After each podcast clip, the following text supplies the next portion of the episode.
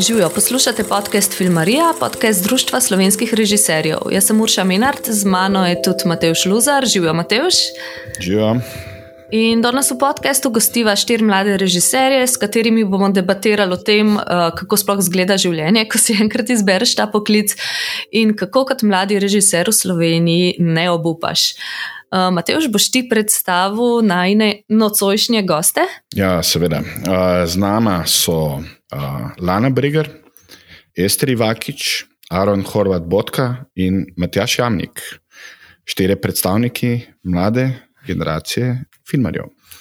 In prva stvar, ki v bistvu mene zanima, nekako tako vse vas, je, kaj je vaš prvi filmski spomin? Kaj je tisti prvi film, ki se ga spomnite? Uh, uh, dobro vprašanje, živijo. Čau, Matejš, čau, uh, Urša. Uh, um, in vsem ostalim, živijo iz Dunaja, v bistvu. Um, dobro vprašanje, jaz sem kar začel, ampak uh, v bistvu, jaz, če pomislim na prvi filmski spomin, vem, da Zdaj, kaj prvo mi pade na pamet, je kakšna stara kaseta Charlie'a Chaplina, uh, film Gold Rush. Mogoče sem zaradi tega, ker sem ogromno pač gledal ta film, ko sem bil otrok, ampak um, to, pa, pa mogoče ne vem, zakaj sem zdaj asociiral na to, je bilo pač čarovnik iz Oza. To dvoje, mogoče iz otroštva, nekako je ostalo v meni. Ja. Kul, cool. Ester. Um, moj prvi, prav tako da bi rekla, eni prvi filmski spomini so tudi po mojem neke videokasete, ki sem jih imela, uh, neki risani filmi, uh, varianta, tako video art, najlepše klasične pravljice na videokasetah, to sem gledala Snegulčico. Uh, pa vem potem, da sem mami nekaj iz Nemčije prelekla Arielo Disneyjevo, ki je bila nemško sinhronizirana. In sem gledala to nemško Arielo in sem bila čisto obsedena z njo pa Dumbo, Disney, um, tako da bolj na, na neke te um, risane, ko prav film, film. Pa spomnim se nekih teh odlomkov v seriji na Nizank, pač, ko so se vrtele čez dan po televiziji. Um, kot cel film, pa ne vem, po mojem, neki ti. Uh, Po mojem je bila to dolina miru, ki se zelo dobro spomnim, ko sem bila mehna, sem to gledala in me je bilo ful strah, ampak mi je bilo tudi ful dobro. Tak, to, po mojem. Super. Dolina miru kot horor. ja. Matjaš? Um, po mojem bo kar Tarzan v Kinovič. Um, Tarzan. Ja, risanka. Tarzan, risanka? Ali? Ja, ja, risanka, tisto od Disneyja. Um, ta, tarzan za Johnny Weissmuller. Ne, mislim, ja, no, pač skratka, tista Disneyjeva risanka, pa pač pa sem tako retrospektivno sem, sem sklepal, da sem ga mogel gledati v Kinovič, kar je tako čisto absurdno, ker pač tega pol, mislim, ker sem bil star tako pet let po mojem in to je pa po moje zadnja leta Kinovič, I guess. Um, tako da to, to je moj prvi spomin filmski. Lana. Meni pa zdaj le prvo pride na pamet po moje Ice Age v ki se je kolosej odprl. Um, vem, da sem bila obsedena s tem sidom, ki ima ful smešne zobe. Um, glede kaset, pa po mojem, ki še en Beethoven. Um, pa spomnim se une scene, ki se je una punčka utopila in ko smo z bratom to sva gledala. Um, Kako so v bistvu oba dva, jo je pa ta punčka preživela, ali ne? Um, tako da, ja, po mojem, to. Um, pa večinoma te animirane risanke, pozabljene igrače. Pa, ja. Oh, ja. Kaj pa je tako? Um, zakaj ste se pa pol, oziroma kako je pa to šlo, da ste se odločili, ok, zdaj pa bi mi delali filme? Vem, um, zakaj ste se odločili pol študirati film, pa kaj ste pričakovali, ko ste šli to študirati? A gremo kar po istem vrstnem redu, mogoče Aaron za začetek? Ja, lahko. Um, ja, v bistvu v srednji šoli pojma nisem imel, kaj bi, kaj bi po, po šoli delal, po srednji šoli. Um, treniral sem plavanje, um, takrat mi je bil ta nek ta downfall, ta pubertetniška. Enega trenutka sem bil še kar perspektiven, pa v bistvu nekako so ti rezultati stagnirali. In ko je prišel ta februar, da bi morali iti na informativne, mi je pač v bistvu mama predlagala, da, da gledam ogromno filmov oziroma pač gledam filme in pač ko jih gledam, sem pač dost not. To so bili pač bolj ti komercialni filmi, ki so jih na televiziji ali pa v kinu, v dvorani pač vrteli. Uh, pač vsi imamo tako družbo, da smo imeli radi te akcijske filme od Jackie Chana do Batman filmov in tako naprej. Um, in pol, pol, pol je v bistvu malo predlagala, in sem šel na, na informativne, in me niti malo ni pritegnilo, za res v bistvu, kar je faks ponujal. ampak, ampak niti ostali, mislim, recimo, šel sem še na umetnostno zgodovino, pa tam so me še manj prepričali, in potem sem se upisal, oziroma sem pač prišel do tega, ok bomo mi pač moram zdaj narediti ta spremni filmček. In sem naredil film o enem čevlju, in je bil pač blazno, blazno uh, uh, družbeno kritičen in angažiran film v tem smislu, kako smo mi potrošniki in v kakšnem svetu živimo. In pač o nekem paru, pač en par čevljev, ki jih imamo in jih zavržemo in kupimo nove, in pač je to čez brez čustev. In, um, in potem nisem bil sprejet.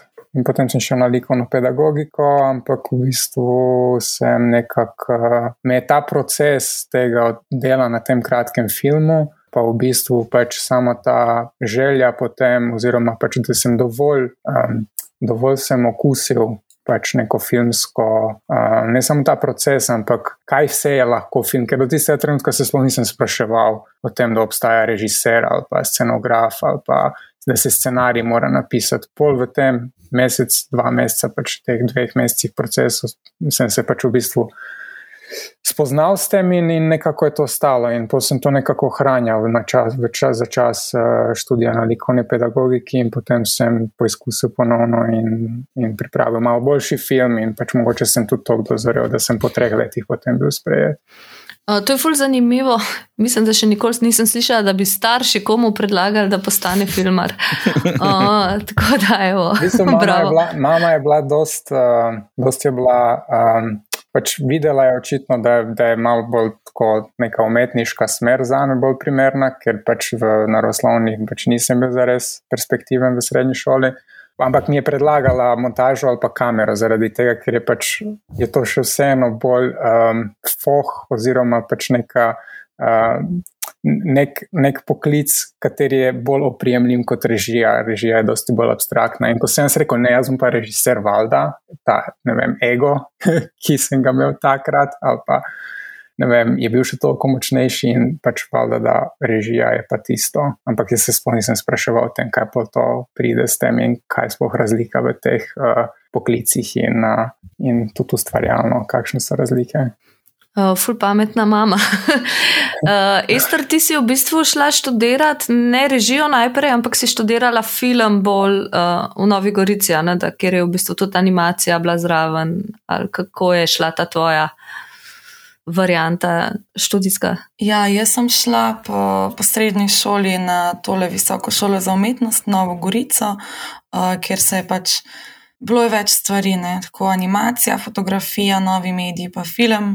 In mene je takrat vse zanimalo, animacija, film, pač najbolj, ker mi je bilo, mislim, vedno bolj mi je bila všeč animacija, pa film, ker ne vem, si pripovedoval za res neko konkretno zgodbo ali kaj. Um, pa mi je bilo tako, ok. Ne vem, nikoli nisem za res si predstavljala sebe kot filmske režiserke, um, ker mi je bilo to.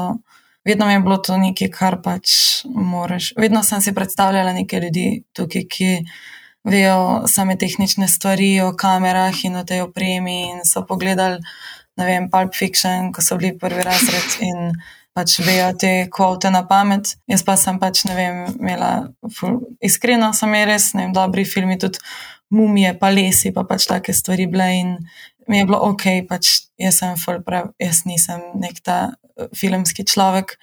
Potem pa sem pač, ne vem, v Gorici je bil k sreči tak program, da je bilo velike nesvobode in sem ful zljubila montažo, pač v premjeru delo uh, in sem potem tam v nekih svojih ne vem, art filmčkov delala.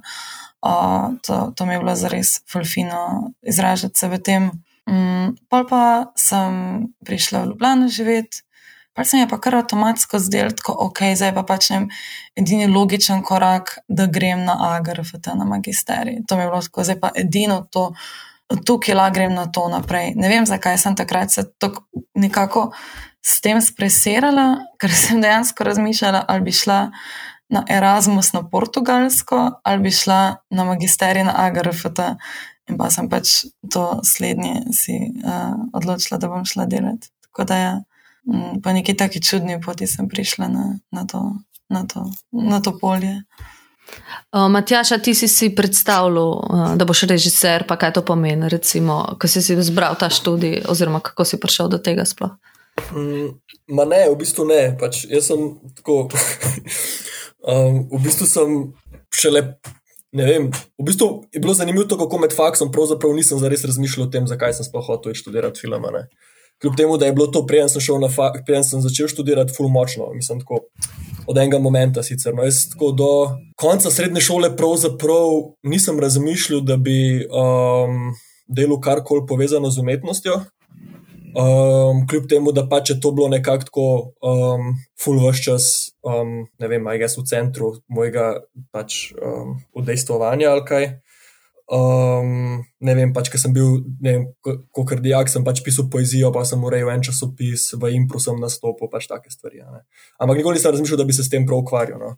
Um, no, ampak pa pač sem v bistvu bilo tako, da sem pa šel študirati primerjalno književnost, um, zaradi tega, ker nisem uspel priti na psihologijo in je bilo to tako, pač, um, ja, pač nekaj sem, nekaj sem rabo zbrati in pač ne vem, veliko sem bral, tako da pa je bilo to, to nekako. Um, pač samoumevno ali kaj, oziroma logično. Um, ja, no, ampak pa tam na primerjalni, ne vem, sem imel en mal tak moment, ko sem se začel ful spraševati, kaj bo mes v življenju, pa tako naprej. Um, in pa je bilo nekako povezano s tem, da sem takrat res začel več gledati filme, čisti zabave, pa s tem, da sem imel kolega na AGRFT-ju v resnici in da pač se je imel on dober. Um, tako da to. Um, in ja, in pol pač. Skratka, sem pač ful čutil neko potrebo po tem, da se za nekaj odločam in da se pač temu tudi uh, pač posvetim. In pa sem v bistvu začel tako dost um, usmerjeno uh, se ukvarjati s filmom. Tako da sem pač, ne vem, prebral sem si to zgodovino. Pač to je bilo čisto absurdno. Jaz sem si, mislim, da dva meseca pa pol sem si delal zapiske iz zgodovine filma od Bordvela.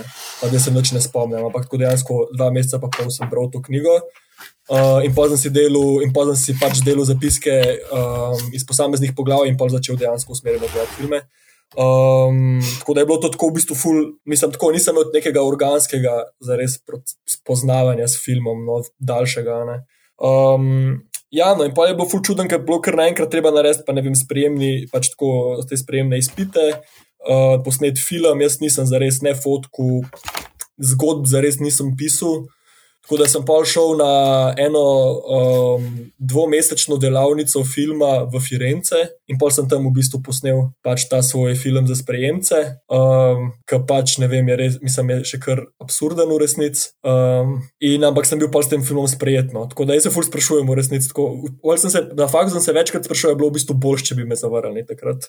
Čeprav po drugi strani pa vprašanje zaradi tega, ker. Um, zaradi tega, ker, ker v bistvu ne vem, če bi šel še enkrat na spremembe, če bi me zavrnili. Tako, takrat v tistem momentu, čisto konkretno, glede na to, ker sem full investiral in pa je bilo tako čisto tvoje energije. In pa se spomnim, da sem tako, ker je bilo treba v bistvu na koncu, v drugem krogu, um, je pač bilo treba v bistvu nekako ne, posneti neko kratko dokumentarno vajo, ker je bila poanta, da pač ti montiraš znotraj kamere. Ne? Jaz sem tisto čizaribu, pač to je bilo tako slabo. Večino cajta pač je.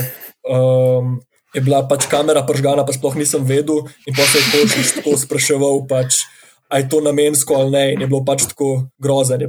No, in, in takrat sem bil, pol, in pol po tistem, sem do takrat se mi zdel, da mi je šlo še kar v redu, no, ampak pol takrat se mi je zdelo, ok, klej sem pa totalno za ribo in vsi. In pol valjda imaš tam tistih deset profesorjev, ali koliko jih je na sprejemcih, se ne vem točno, ampak skratka celo omizje. In pol gledajo na velikem ekranu to, kako ti pač tam laufaš s kamero. Je pač sam, pač to je totalna blamaža. Pač to, in, ja, in sem bil pač šel na avtobus uh, domov, pol po teh sprejemnih, in sem bil pač prepričan, da me ne bodo vzeli.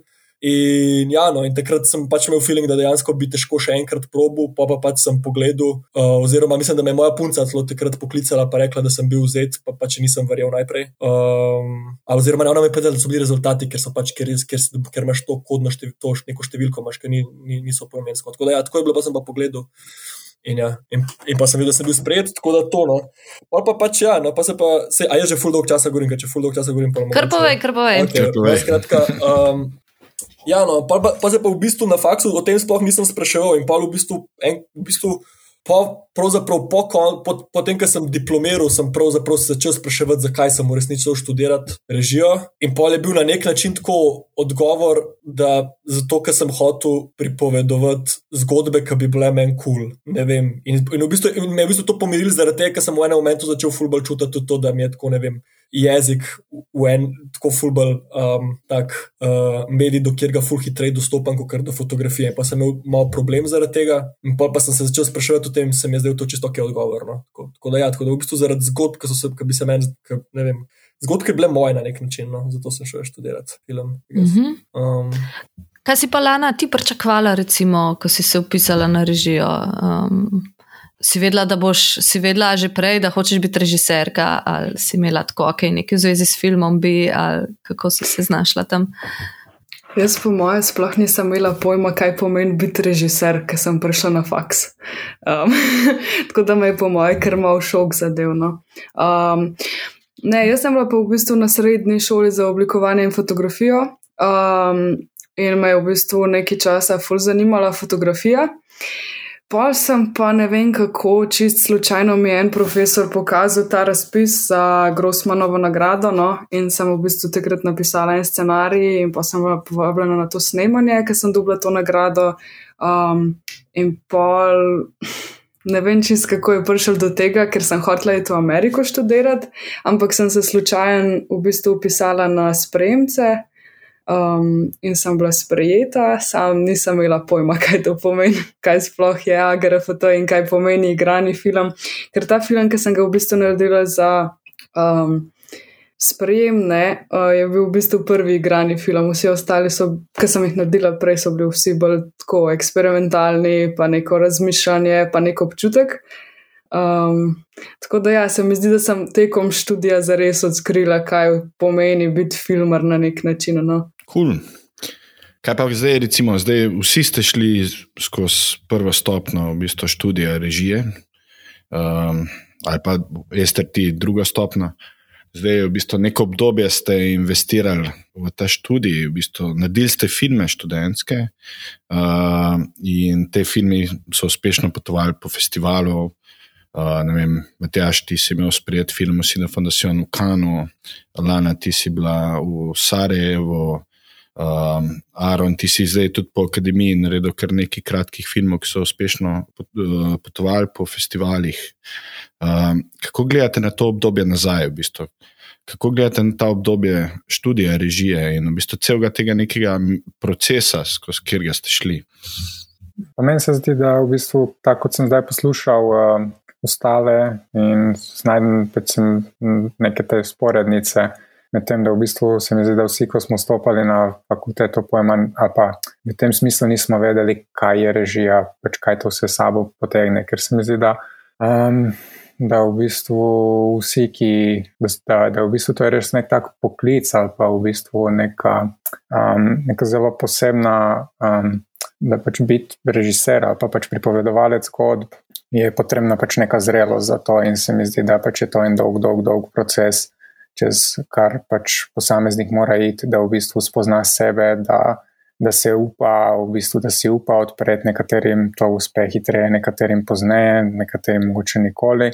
Um, in se mi zdi, da je, da je v bistvu bilo zanimivo to poslušati, da, da je tudi če so drugačne poti, ampak v bistvu uh, se vsi na nek način zavedamo, oziroma pač imamo to neko distanco do tega, študijskega procesa, ki se na, na fakulteti zgodi. In hkrati se zavedamo tudi to, da, da v bistvu, ko stopimo ven, je to nek, vidimo, spoznamo, da je bil tam en ta mehur, v kateri nas je obvaroval, zelo konkretne naloge nam je dajal, pač vse te obveznosti, ki so na fakulteti, so za čas, uh, ko, ko si del tega najbolj pomembne in edine, zakaj v bistvu živiš, in, in se ne zavedaš uh, neke realnosti, ki te pričakuje, kar pa potem pač podrazumevam to, da, da je ogromno ljudi ali ustvarjalcev, ki si želi delati, ogromno ljudi, talentiranih ljudi z dobrimi zgodbami in. Uh, in je, in je pač je ena velika borba v tem smislu,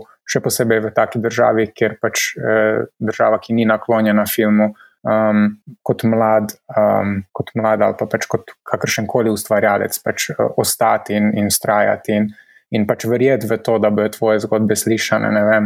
Mene je kar malo zabolelo, ko sem poslušal uh, Matjaža, pa je rekel, da je zato postal film, da bo lahko pač svoje zgodbe povedal, ampak ker se mi zdi, da sem, da pol pač nekako v enem procesu sem jaz tudi to spoznal, ampak pol pozneje pa v bistvu, oziroma ko pa pride do tega, da poveš svojo zgodbo, je pač to skrajno težko priti do tega rezultata in, in, in, uh, in je pač um, to zelo boleče, ker pač ogromno, ogromno, ogromno časa preživimo z temi vlastnimi zgodbami, ki jih ne moremo spraviti ven. Ne? In to je. To je, ena, to je v bistvu pač ta bit, ta, ta, ki je tako Je to tudi frustracija, v bistvu? Sigurno, sigurno, do, do, do neke mere. Ne vem, ne vem povejte ostali, jaz sem jaz zdaj tu nekim nabijam, pa, uh, ampak se mi zdi, da no, nočem za, za v imenu vseh govoriti, ampak. Uh, ne, se mi zdi, se mi zdi, da, mislim, tako meni, da si dal fulejnih fajn istočnic. Um, pač, mislim, ne, tako, ne, lik, lik to, kar si govoril o tem vstopu v resničen svet, pa v mehurju, meni bo fulj zanimiv, ker sem v enem momentu sem šel pogledat, uh, tako malo sem gledal, tako ne vem, strani, spletne strani drugih akademij, slav, velikih akademij po Evropi.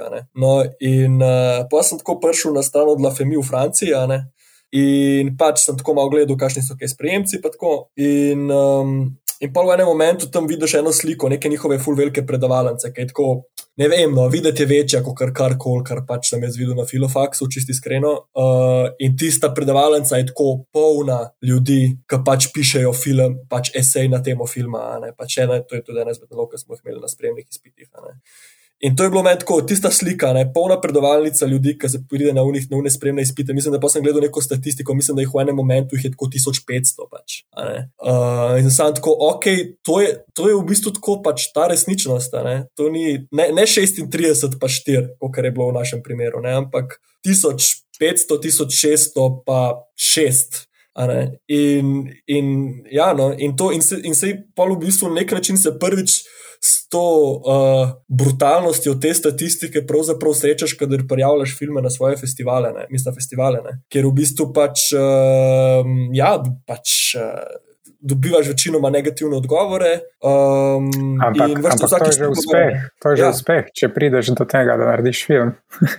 če imaš kaj prijaviti na festival. ja, ne, to, to, okay, to je pa tudi res. To je pa ja, sej, to je tudi res. Um, imaš prav.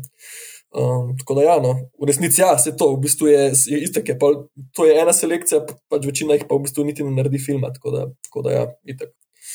Tako da to, no, ja, no, in se mi zdi, da to neka ta, ta brutalna tek, pač tekmovalnost, no, se mi zdi tega pač. Ne vem, kaj posla ali kaj, pač se mi zdi, da je tako nek prvi reality check, no, ki ga zih doživiš, že na faksu, mogoče na nek način. No. Mm, Ker se sprašuješ, ok, zdaj sem se eno leto ukvarjal, zdaj recimo, ne vem, za me je bilo pri pr dokumentarnem filmu v bistvu prva, ne, um, prva pač tako neko spoznanje, da pač se eno leto ukvarjam full intenzivno z enim, dokument, z enim kratkim dokumentarnim filmom in pol se predvaja, ne vem, šestkrat, sedemkrat, pač, in si pa tako, ok, zakaj sem jaz zdaj to delo natančno. Mislim, tako, zaradi tega, ker film brez občinstva na nek način nima smisla no? in to ti je ful jasen, kaj ga, ga delaš. No? Um, tako da to. No? Um, Cool. Um, Ester Lana, ki ste študirali, v bistvu ste razmišljali o tem profesionalnem svetu, v bistvu, o tem svetu izven tega mehurčka, kot je Aaron rekel. Recimo, jaz sem temu vedno pravil, ko sem bil študent, rezervat, kjer si v bistvu v, nekem, neke, v neki vati, kjer v bistvu razvijaš svoje ideje, ampak potem, ko se to konča, priješ po to neko kru, kruto realnost. Kako je ta? Ta prehod. A ste razmišljali o tem, Lana, ti si tik pred kratkim zaključila študij? Ali si takrat razmišljala, že ne en, dve, tri leta nazaj, ali lansko leto, ali kako? V bistvu se mi zdi, da si na faksu, to je že Aron dobro povedal, da si v enem mehurčku. Ja. Um, In tekom študija, po mojem, nisem niti razmišljal o tem, zaradi tega, ker se mi zdi, da smo bili vsi in jaz in moji sošolci okupirani pač s delom, s filmom, z razmišljanjem o pač samo delu. Um, In pol, kaj enkrat priješ iz faksa, se mi zdi, da to prvič občutiš. No, vsaj jaz sem. Prej se nisem niti o tem toliko sprašvala. Pač vse veš, da so razpisi, pa vem, greš na spletno stran, pa gledaš vem, pogoje ali pa kdaj so kakšni roki, čistko informativno, uh, kaj je treba oddati. Um, sam, ja, se mi zdi, da me je pol šele v bistvu leto zadelka. Lani sem imela absolventsko leto. Um, leto sem pa prvič tako nekako na samem, um, kot bi temu rekla. No. Um, tako da je kar kruto. No. Sploh če si sam, pa recimo, če sam prijavljaš na razpise, je lahko kar malo skerino. Zakaj?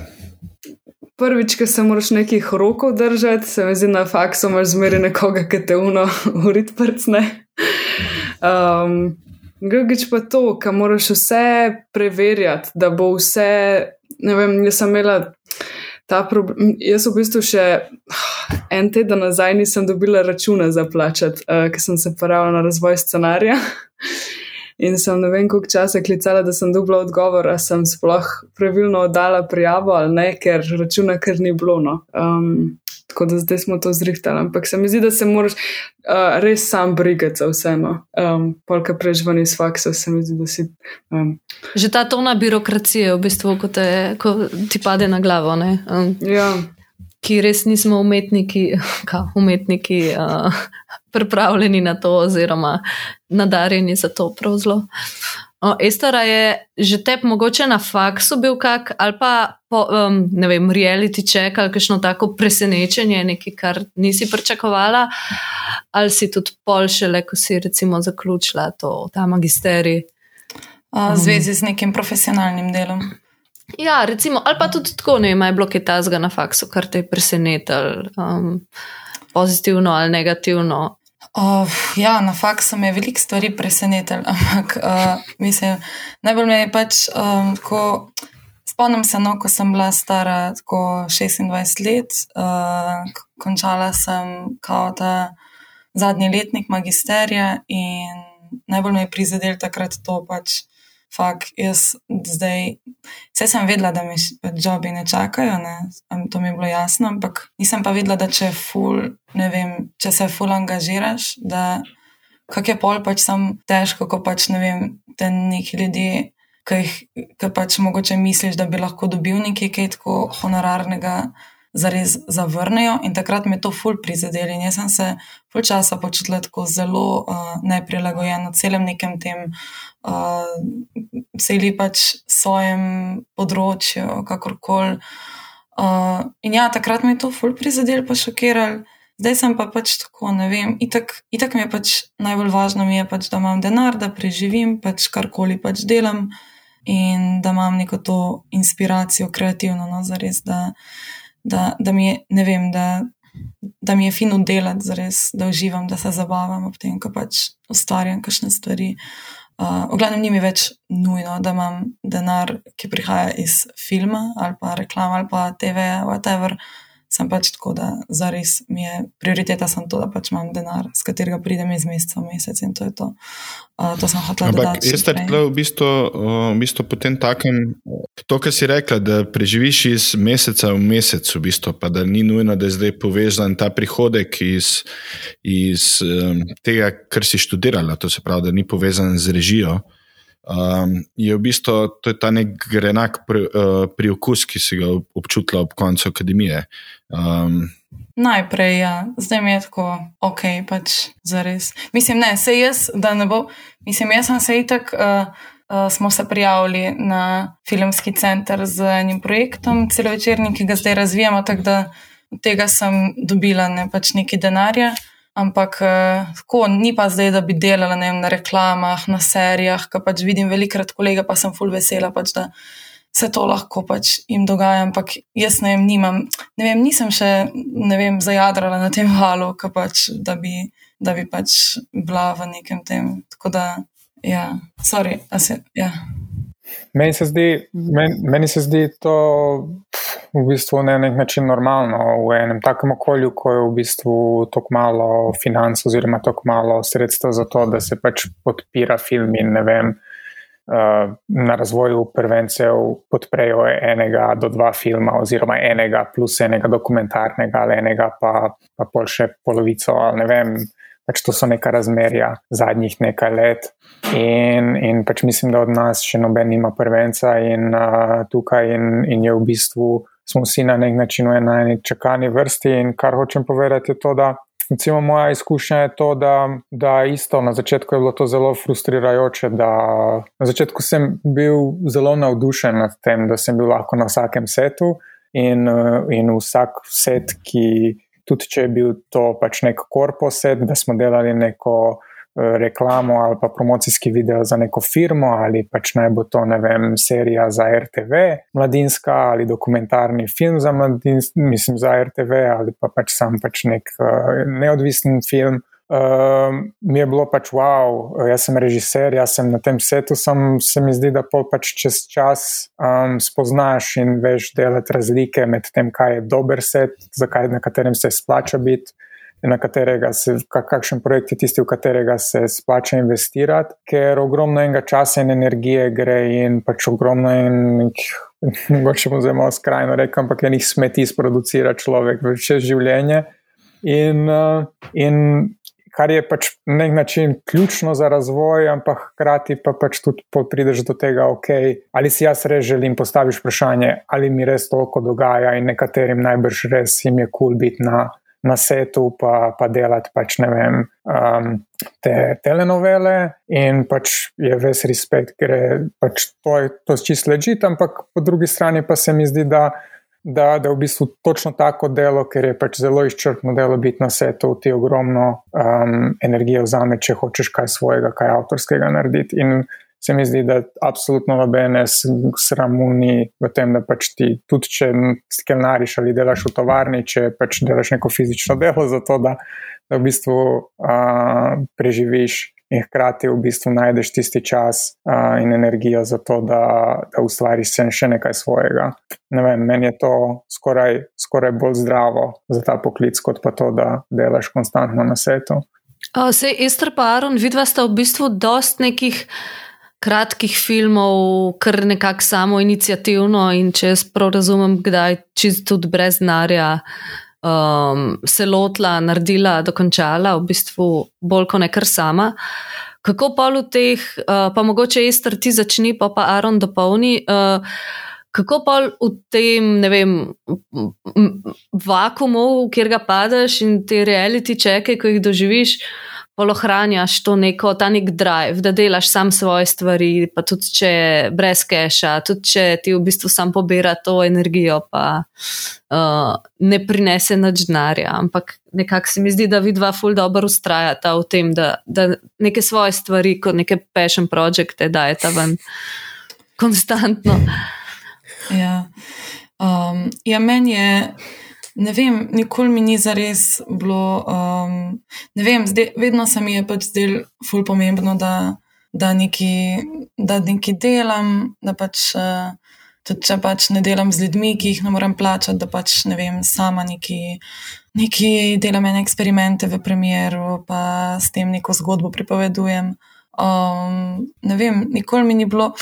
Zdi se mi, da bi lahko, da če bi ne moremo bupati za res, ker mi je pač to res fino delati in imam to rada. In če bi se pač prek tega, uh, kakšna je situacija, pač če bi to bilo za res, če bi bilo moje ustvarjanje odvisno od tega, bi, bi se ful slabše počutila tako v življenju trenutno. Uh, se mogoče se še bom, ne vem. Priznam, da sem včasih zelo namerno ignorantska okrog enih statistik in enih stvari, ker bi me to čist preveč uh, tako um, nek reality check. No. Prej ste govorili o tem reality checku. Meni se zdi, da ga včasih sploh kar mal nočem videti ali pa kaj, ker sem tako, ko ustvarjam ali pa delam kaj, si naredim nek vakum, pa nek bubble in um, mi je to uh, ful pomembno za resno. Uh, ampak ne, sej sem, mislim, sem občutljiva za neke te stvari, ki se pač dogajajo kolegom, ljudem, ki se pač ukvarjajo z isto stvarjo, kot je s njimi grozno. Um, ampak tako, ne vem, ved, zdi se mi, da bom vedno lahko delala film, tudi če pač sem z nekim digitalcem nekaj posnamem. Ne, in to mi je ful pomembno, da pač nekaj, pos, nekaj naredim, neko sliko, pa neko atmosfero dam zraven. To je pa lahko že film v bistvu. Tako da uh, je pa eksperimentalni film, ful širok pojem. Tako da ne vem, dobro mi je to delati, no zares. Pa, ja. Nočem se res s tem ukvarjati, uh, koliko imamo mal denarja, ker bi mi bilo še ful bolj grozno.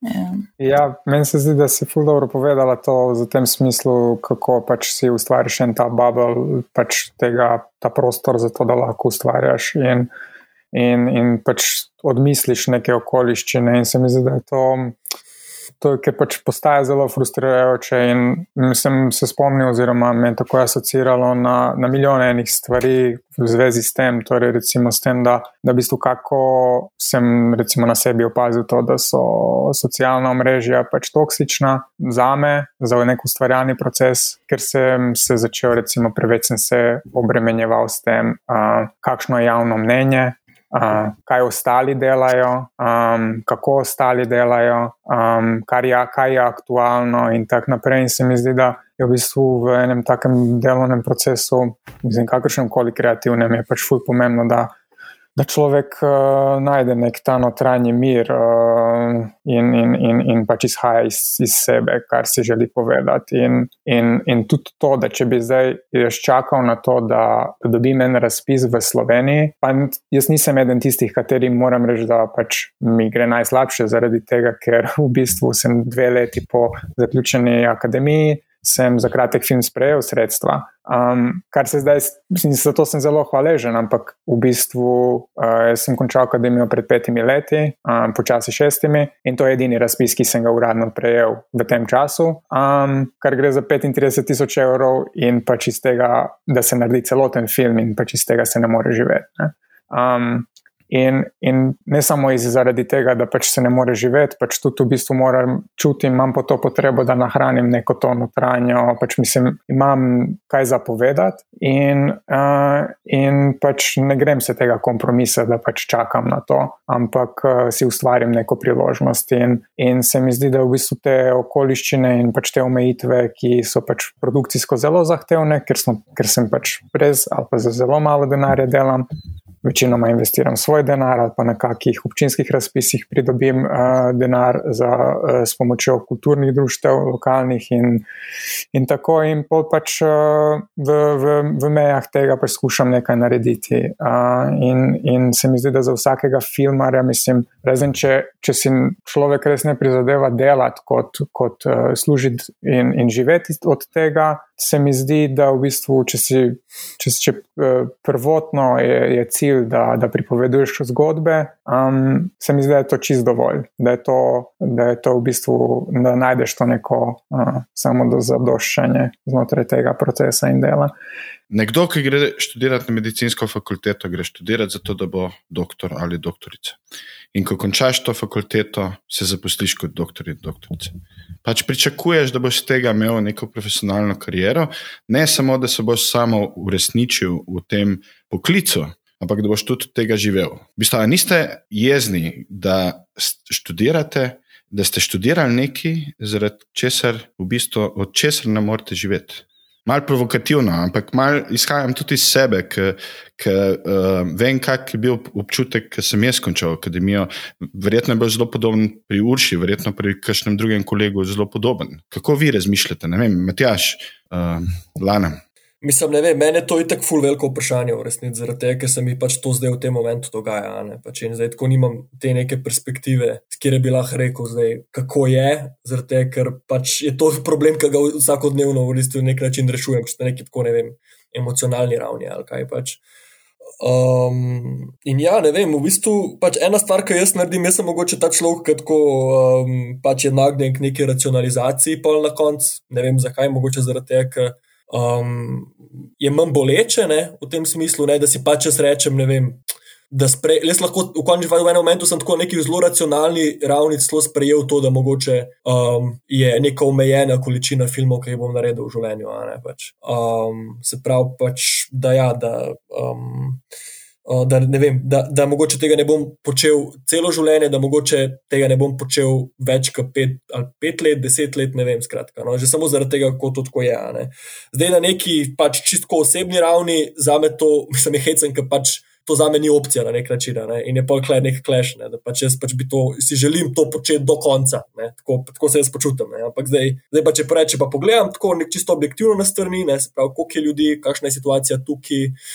Um, si pa pač rečeš, ja, ne, mislim, ne vem. Um, um, tako, da, tako da to ne. Zdaj, jaz v bistvu neke te fulkomercialne izkušnje dela nikoli nisem imel. Jaz pač tako, kadar sem prišel z faksa, sem tako najprej v bistvu mal se spogledoval s tem, ker se mi je zdelo, da pač ja, v tem je na nek način um, pač to ljudje počnejo, da preživijo.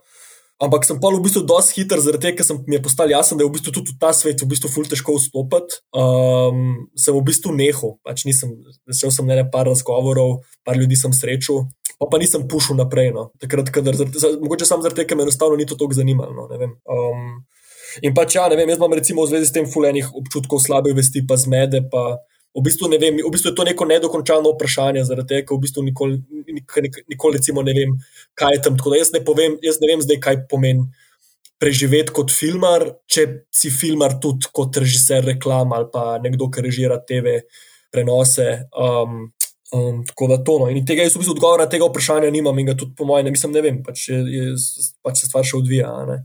Um, zdaj pa je pa tako, ne, pa se, ne vem, me, se mi zdi, da pač v Sloveniji imamo pač en ful specifičen problem, ki je ful problem odnosa do pač kulture na splošno, ampak je pa tudi tako mogoče problem uh, tega, kako svet deluje. Pač, mislim, mi smo mehna država, v katerem pač naš jezik govori 2 milijona ali 3 milijone ljudi. Um, in pač um, kdor, vsa, vsaka od nekih večjih držav, ki ima ful močnejši produkcijski pogon, lahko naš trg enostavno preplava. Ne. In uh, klej zdaj. In se mi zdi, da je to en ful, ful težek problem v resnici, kako zdaj sistemsko organizirati stvari, da pravzaprav naš trg zaščititi pred, tem izjemno, pred temi vem, izjemno agresivnimi akteri, kot so ne na zadnje Hollywood. Ne. In jaz pač klej Klej, zares ne morem niti debatirati o tem. Sam se mi zdi, da je pa to eno dejstvo. No. Poleg tega, da pa pač ja, hkrati pa imamo pa v bistvu neko razpoloženje v, jav, v javnosti, pa politično, ki pa tega problema ima niti pripravljena ni začeti uh, razreševati. In je pač stvar totalno, mislim, slaba. No. Um, ampak ja, no, se mi zdi, ne vem, mogoče to, da je, da pač, mislim, da, da ni za res, po mojem, režiserja na svetu, ki bi mu bilo lahko no, na začetku. Pač ne vem, zdaj tako pogledam, sem, sem prav razmišljal, sem bil tako, ne vem, Kubrick je bil na socialni podpori, došel, ki je delal svoj drugi celovečeren film. Scorsese je pomivil posodo v enem momentu. Um, Kaufman je bil strego v baru, pač, tako mislim, pa to so ljudje, ki jim je ratala, ne, pač, mislim, pa teh, in, ne, se pravi, teh zgodb je v resnici nešteto. Ne. Tako da se mi zdi, da kle, pač, ne vem, na nek način moš to sprejeti. Pač, da da, da to, to so začetki, pač, tako se začne. Pač, težko je. Ne? ne vem. Um. Ja, je, um, Lana, recimo, da še s tabo zaključimo. Um, če se je pa tebe mogoče strah zdaj v teh uh, profesionalnih začetkih? Ali pa tako, ko poslušaš zdaj kolege, kaj je to, ko se ti zdi ošit, kako bom pa to. Ma ne vem, se mi zdi, da sem v zadnjem letu spoznala, pač ja, da je film večinoma hobi, da moraš definitivno nekaj zraven delati, zato da lahko, ne vem, uresničiš svoje sanje, pač da posnameš ta film, pa da lahko pol naslednjega posnameš. Um, na nek način se mi zdi ful bizarno to, kar je rekel Aaron, pač da svoj denar vlaga v to, zato da lahko posname. Um, glede na to, pač, da mi delamo filme tudi za druge ljudi in za, vem, da se pol izvažajo in da jih gledajo tudi drugi. Sem, Nočem biti fulčerno gledano še, glede na to, da sem leh iz faksa. v redu. Mateoš, uh, kot scenarist, mogoče uh, boš načel malo to temo celovečernega filma. Ali... Ja, v bistvu tekom študija kot sami dobro veste, se v bistvu predvsem ukvarjate s kratko formo dela. Vsi ste naredili uspešne kratke filme. Um, kako je pa ta prehod, da ne bomo govorili samo o tem, kako je težko preživeti, ampak kako je zdaj se potrebno, v bistvu, kako vidite, kako, je, kak, kako, kako se je potrebno, po vašem mnenju, adaptirati no, na, na celovečerno formo. Kaj za vas pomeni celovečerna forma? Kaj pomeni za vas ta prvi celovečerni igrani ali pa dokumentarni film? Kdo je najdlje v tem procesu? Mogoče je isto, ti čakaš zdaj razpis za prvence. Um, ja. Kako si se prešal, kako si prešaltala? Ja, mislim, jaz nisem zares, uh, sem, uh, jaz nisem zares, uh, kot da bi uh, me to, da bi kar jaz sama imela pač neko to uh, vizijo, inicijativo, kakorkoli štartu. Um, v bistvu jaz sem se pridružila projektu, ki uh, sta ga že Andraš Rič pa Nika Jurman, uh, oziroma Nika Jurman je pisala uh, scenarij, Andraš Rič je pa odkril to knjigo, Neben glas, za netratnik. In sta potem ona dva, uh, jaz sem se njima pridružila, pa pač Jerci, ki je tudi producentka v bistvu tej ekipi. Tako da jaz sem, um, ni bila to neka moja, zdaj pa takoj po faksu, pa na celo večerca, ne, ideja. Mene je bilo to malo. To so te povabili? Ja. Um, aha, ok. Ja, oni so, ja, in potem so z Niko skupaj pisali in Ona je že naredila prej eno verzijo, pa so se na scenarnice prijavile, uh, še na nekaj par drugih delavnic, uh, na kako so bile tudi sprejete. In smo ogromno časa temu scenariju res posvetili. Um, mislim, da je bil, jaz lahko nimam več občutka za čas, ker je pač ta korona in 2020. Tako da mislim, da ja, zdaj smo se prijavili na ta uh, prvenec. Tako da upamo na obroje, obrodile, da bodo se obrodili sadovi.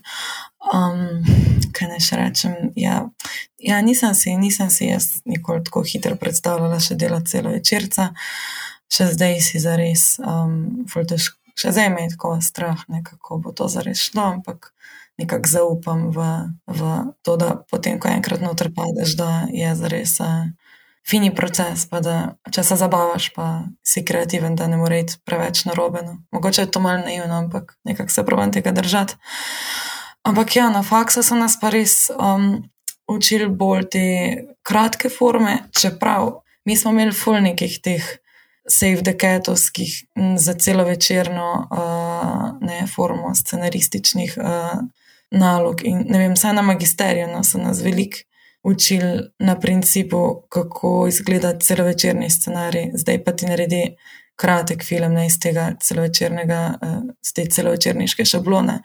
Tako da to je bilo tudi kar. Uh, Da, to je en predalček, neko znanje, ne, pa potem to prevajati, je bila tudi ena zanimiva, uh, zanimiva izkušnja. Ne vem, kako je pa na dodiplomskem, um, kako, um, kako pa se tam uči za res. Mhm. Aron, ti si pa v bistvu že nekaj časa, kot jaz vem, razvijaš različno, različne celovečerne scenarije. Lansko poletje ali to poletje, ne vem točno, si šel pa kar posnet low budget film ali se motim. Ne, ne, res je. Jaz, jaz, v bistvu, jaz sem se rodil za celovečernimi scenariji, zabavam se. Um, jaz, sem bil, jaz sem se zato upisal na faks, da bom delal celovečerne filme pač to je malo hec, malo pač je res, uh, valjda se učimo na kratkem filmu, ampak pač ultimativen cilj je, pa ne vem, je pač, da bi posnel cel večerni film, to, kaj se v kinu gleda in pač. Uh, da bomo naslednji Tarantino ali karkoli že, je bil pač takrat razlog, ko sem se upisal na faks in sem hotel, pač jaz sem se od njega naučil, spoznal film in, in sem full hvaležen za to, za njegovo filmografijo ker mi je pač odkrila pač milijone enih valov in, in različnih filmov in vse to. In sem takrat tudi zelo vesno študiral pač knjigo Sida Fielda. In sem, in, sem bil, in sem imel plan, da bom pač pri 25-ih zaključil AGRFT. Do takrat bom napisal celovečerni scenarij, kar pomeni, da pač približno rabiš tri leta, da celovečerni film pripraviš in izpelješ. In bom star 28, ko bom posnel svoj prvenec. No, zdaj letos sem dopolnil 30, pa niti blizu nisem, ampak eh, je pa bil pač ta proces zelo, zelo, zelo ploden in se mi zdi, da v bistvu tako te prizemlji. In, um, in tako smo prej govorili o tem, kako je v bistvu treba ustrajati, ali pa ne vem, pač v bistvu sem spoznal to, da imam res rad proces, res imam rad, res rad delam na, na teh uh, zgodbah, ki, ki me popeljajo nekako stran od realnosti. Ampak sem imel ogromno, ogromno časa pač strah pred tem praznim listom in pisanjem in vse to nekako kratko zgodbo lahko človek napiše v enem dnevu. Mislim, se usedeš, napišeš 50 strani in je pač to lahko uh, imaš od začetka do konca narejeno, in potem greš prepisovati in popravljati, ampak imaš neko to jedro, na katerem delaš. In to me je v bistvu pri celovečerni formi, pri scenariju zelo strašilo. Dokler nisem se v bistvu enkrat, takrat 2018, usedel, uh, v bistvu sem se zaprl eno, uh, doma v Lendavi, v ene, eno vinsko klet. Uh, nisem se dobesedno zaprl, ampak sem v bistvu uh, vsak dan domov hodil spat, čez dan sem pa šel gor. In, in sem tam po 8-9 ur pisal. In sem se odločil, da bom pač v, teh, eh, v enem tednu probal napisati celovečerni scenarij, kar pomeni, da, um, da sem na dan napisal med 10 in 12 strani, in na koncu sem po sedmih dneh zaključil z, z približno 77 ali 78 strani scenarija. Sem imel, seveda sem imel prej pripravljeno zgodbo, pa, pa sem toliko naštudiral tega Sida Fielda in pol tudi hkrati je minilo toliko časa, da sem pozabil na njega in nisem toliko imel pač ta strah, oziroma pač da moram biti, uh, se toliko držati teh njegovih formul, ampak nekako dramaturgijo te celočrne forme sem, sem poznal in sem si zadal začetek, sredino, konec, in potem mi je uspelo dejansko se prebiti čez to prvo roko. In ta scenarij sem tudi prijavil na na scenarnico, uh, oziroma ne na scenarnico, ampak na, uh, na First Mill First, um, kjer je bil zavrnjen in potem še naslednje leto bil sprejet, uh, kjer sem ga nadalje razvijal. Medtem pa sem z, eno, z enim treatmentom bil prijavljen uh, za šolo, uh, celo večerni scenarij, oziroma treatment za celo večerni scenarij, bil sprejet na scenarnico, kjer sem ga pač isto leto razvijal. In hkrati je tudi za ta prejšnji scenarij, ki je nastal v Vinski kleti, je bil pač ta nek, je bil ta time pressure, ker sem vedel, da bom šel na scenarnico in se bom pol leta ukvarjal z drugim scenarijem, za šolo. Uh, in, uh, in, bom, in, in, in sem čutil, da moram to zgodbo dati ven, ker drugače mi ne bo dalo miru. In nekako tako so v zelo kratkem času nastala pač dva celovečerna scenarija. In ko sem enkrat pač to, pa je prišla korona, in ko sem pač imel to nekako odklenjeno, da si pač upam, da lahko jaz to naredim, da mi pač ni težko, uh, je prišla korona in sem pač napisal še en scenarij. Uh, v mislih sem pa imel pač okoliščine produkcijske, ki mi jih nudi moj domači kraj, in, in sem pač razmišljal o tem, kako bi lahko pripeljal eno pač neko. Um, Žanrsko napeto zgodbo pač postavil v to okolje, in, in, in, in sem potem tudi napisal ta scenarij, in sem rekel, ma, glej, bom probal, videl, uh, naredil predračun, koliko bi nas to prišlo, in smo pač, imel sem ekipo nabral, ki je, ki je stala za tem, in smo prav, in smo dejansko letos to izvedli.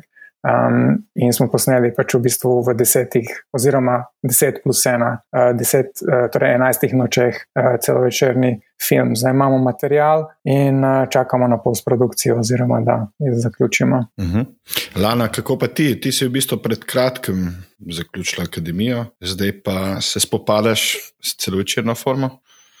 Um, Ja, v bistvu sem začela pisati ta scenarij, po moje, ne čist na ključno, no, ker sem snemala ta dokumentarni film v drugem letniku na temo slepote, pol pa se mi zdi, da ja, med korono sem začela tudi malo brati knjige od tega pisatelja in me v bistvu pol to tok noter potegnil, da sem začela razmišljati, da bi pač v bistvu razvijala celo večerni scenarij o slepoti. Um, tako da sem bila sprejeta na scenarnico, zdaj pa v bistvu delam še eno delavnico, ki je pa v bistvu um, v tujini. No, v Münchnu ima bazo, ampak pa gremo tudi na rezidenco. Um, tako da meni se v bistvu tudi na nek način zdi zelo hiter.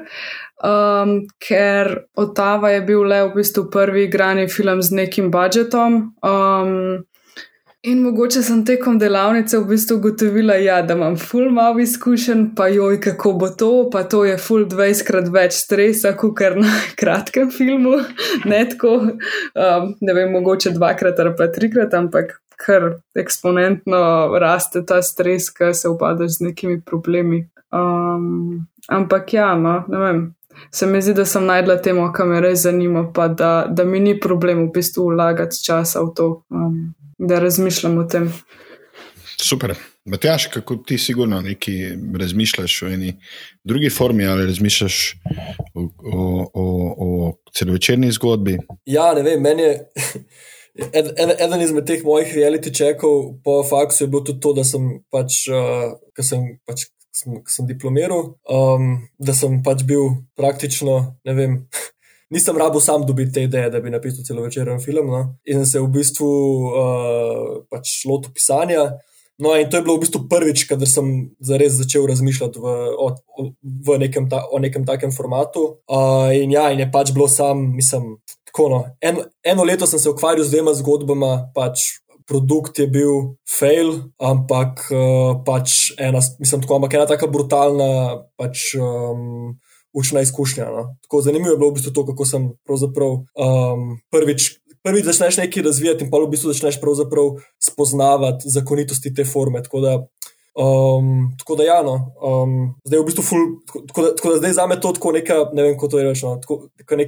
To je za me zdaj kot neka, ne vem, neka gora, ki si jo ogledujem, pa jo malo bolj poznam, nekaj tasga. Um, in se v bistvu ne, se v bistvu ful veselim naslednjega oziroma procesa pisanja celovečernega scenarija ali, ali pa v bistvu razvijanja celovečerne zgodbe. Um, zaradi tega, ker si zdaj, pravzaprav, ne vem, um, začeti na papirju se mi pravzaprav ful ne zdi pravi način, če ti iskreno. Um, ful, ful bolj verjamem v nek bolj celosten research uh, in pol iz tega, in pol na tak način pravzaprav tudi zastaviti stvar, ki um, pa pol videti, da bo dokumentarna ali bo, ali bo igrana ali kako koli že. No. Um, Tako da, ja, no, ampak se mi zdi, ne vem, jaz, jaz, jaz se zdaj ful počutim tudi tako, da um, tako ful bi rad posnel še nekaj kratkih filmov, prej se zares tega lotem. No. Um, um, se mi zdi pa, mislim, se mi zdi pa tako, no, se mi zdi pa celo večerna forma da besno. Zaradi tega, um, zaradi tega, ker mislim, da je to zares pravzaprav pač um, gradnja enega, enega sveta, ki ga v kratki formi pravzaprav ne moreš, um, ali pa vzpostavljanje sveta, ki ga v kratki formi pravzaprav ne moreš, ne, ker se ukvarjaš več časa z enim dramskim motivom. Klepa kar naenkrat imaš opravka z junakom, ki se mu dogaja več stvari, ne, ali pa svetom, v katerem se dogaja več stvari. In se mi zdi, da je to na nek način ultimativno. Um, tako da, ja, mislim, definitivno se mi zdi, da so pač take stvari, so pač sanje vsega pač pripovedovalca zgodb. Mislim, uh, Ester, recimo, ti si bila na scenarnici tudi s svojim scenarijem. V bistvu ti si bila pravzaprav edina, mislim, da od vas tukaj, ki si so, so scenaristko delala od začetka pa bila si pol še, a si bila na midpointu, ali uh, v glavnem ene par teh delavnic si dala skozi. Um, kakšne so tvoje izkušnje iz teh delavnic? Se ti zdi, da je to nek način, kako priti počasi do tega prvega scenarija, ki lahko pol res postane film? Um, kako si doživljala ta cel, nek, v bistvu kar dolg proces? Uh, ja, odvisno pač, kakšen človek si, pa kak projekt imaš. Um, Mislim, jaz s tem projektom in uh, skupaj z Niko, ker smo zelo veliko pa dobro komunicirali, pa smo se res kreativno dopolnjevali, pa bile so tako kompatibilne, predvsej. Mi je bila to kar dobra izkušnja, uh, zato ker vsakeč, ko smo dobili pač nek feedback, meni to čist potrlo, ali pa tako, da bi bila jaz, one, to je pač bolj slabo, ampak ne vem, nekako smo potem vedno bolj nek ta kor svoj um, si bil dale vse in so pač vedeli, kateri komentarji so za vzet, katere pa pač ne bova pač sprejele, ker, bi, ker hočeva pač um, držati se nečesa, kar nama je zares uh, ful, ful pomembno. Um, vem pa recimo, če bi šla sama na neke te delavnice v tujino, da mi ne bi bilo pač tako prijetno, no, da bi mi bilo bolj bila sama no, z nekimi temi občutki. Pa, ne vem, jaz si tako nisem uh, tako na prvo žogo za pisanje, mogoče najboljši človek. Vem, jaz, ful, jaz sem mogoče čist drugačen, drugačna. drugačna um, Drugače se lotujem tega, no, kot recimo, kaj Matjaš rekel, uh, za, pa Aron za to, za pripovedovanje zgodb. Um, je to, vedno tako občudujem no, ljudi, ki pač lahko ful dolgo pač to, kar se ti Aran zdaj rekel, da se je v tej kleti pisal toliko časa, pač ne vem, bravo, ker ne vem, jaz, če bi pač sama delala to, ne bi sploh pisala scenarija, da res pač tako. Meni je to res naporno, pa dolgočasno, včasih res metko.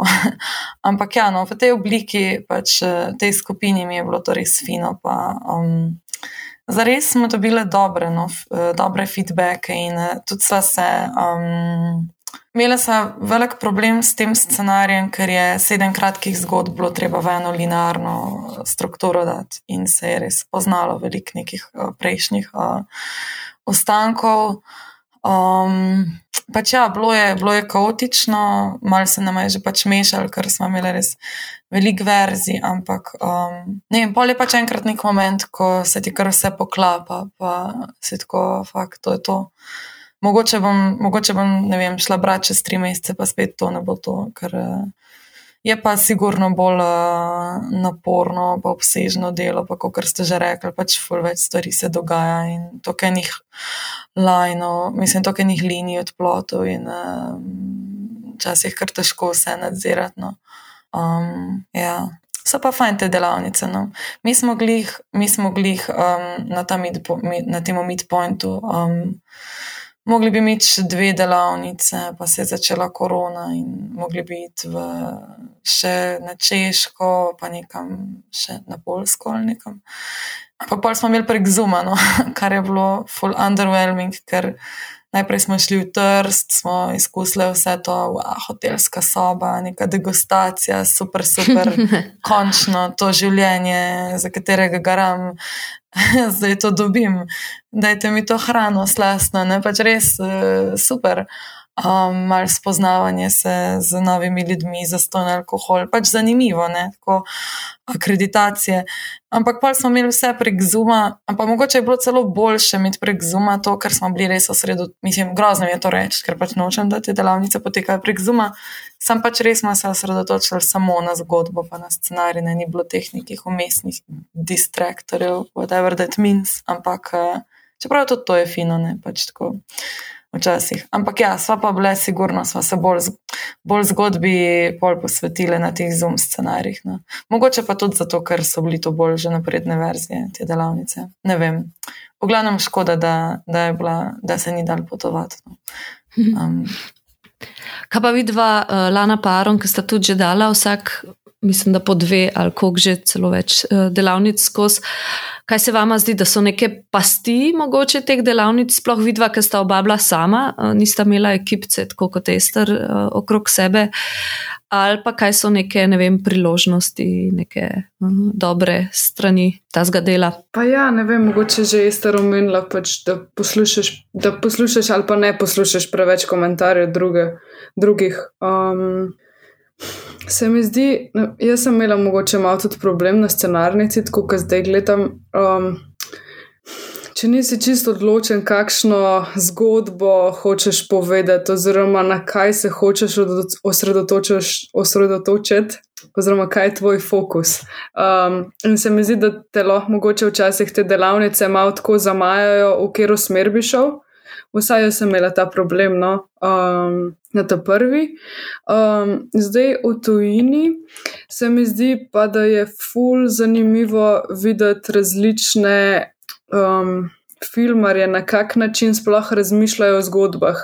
Ker se mi zdi, da smo vsi, um, čistko iz uh, nekega kulturnega vidika. Um, ena filmarka je iz Afrike, um, en je iz Indije in je v bistvu tudi čistko zanimivo videti, kako oni čist percepirajo tvojo zgodbo, um, ki se osredotočajo tudi čist na nek drug aspekt oziroma. Um, Kar je čist kulturno vezan um, na neko stvar. No. Um, ne vem, kaj sem zdaj spohodila povedati. Ampak, ampak je, ja, v bistvu testiraš, kako tudi tvoja zgodba v nekem izven tega domačega okolja deluje. Ne? Pa kje stvari ljudje razumejo, ki misliš, da se sprašuješ, jih bojo, pa ene stvari, ki so tebi samo umevne, da se razumejo, pa mogoče sploh niso razumljive nekomu kot nekje druge prihaja. Tako da je to zihar nek dragocen element, ja, po mojem, teh delavnic. V bistvu, zanimivo je to, da mi vedno, ko pišemo scenarij, razmišljamo o tem v besedi in kako bomo to napisali. Ampak v bistvu pišemo v nekem univerzalnem jeziku, ki ga bomo potem videli na platno. V bistvu, govorimo o podobah. ki jih lahko tako en, nekdo iz Afrike ali Indije razume. V bistvu. Mi ne pišemo o zgodbe besed, ampak mi pišemo zgodbe slik. In mislim, da je to tisto, kar je zelo pomembno.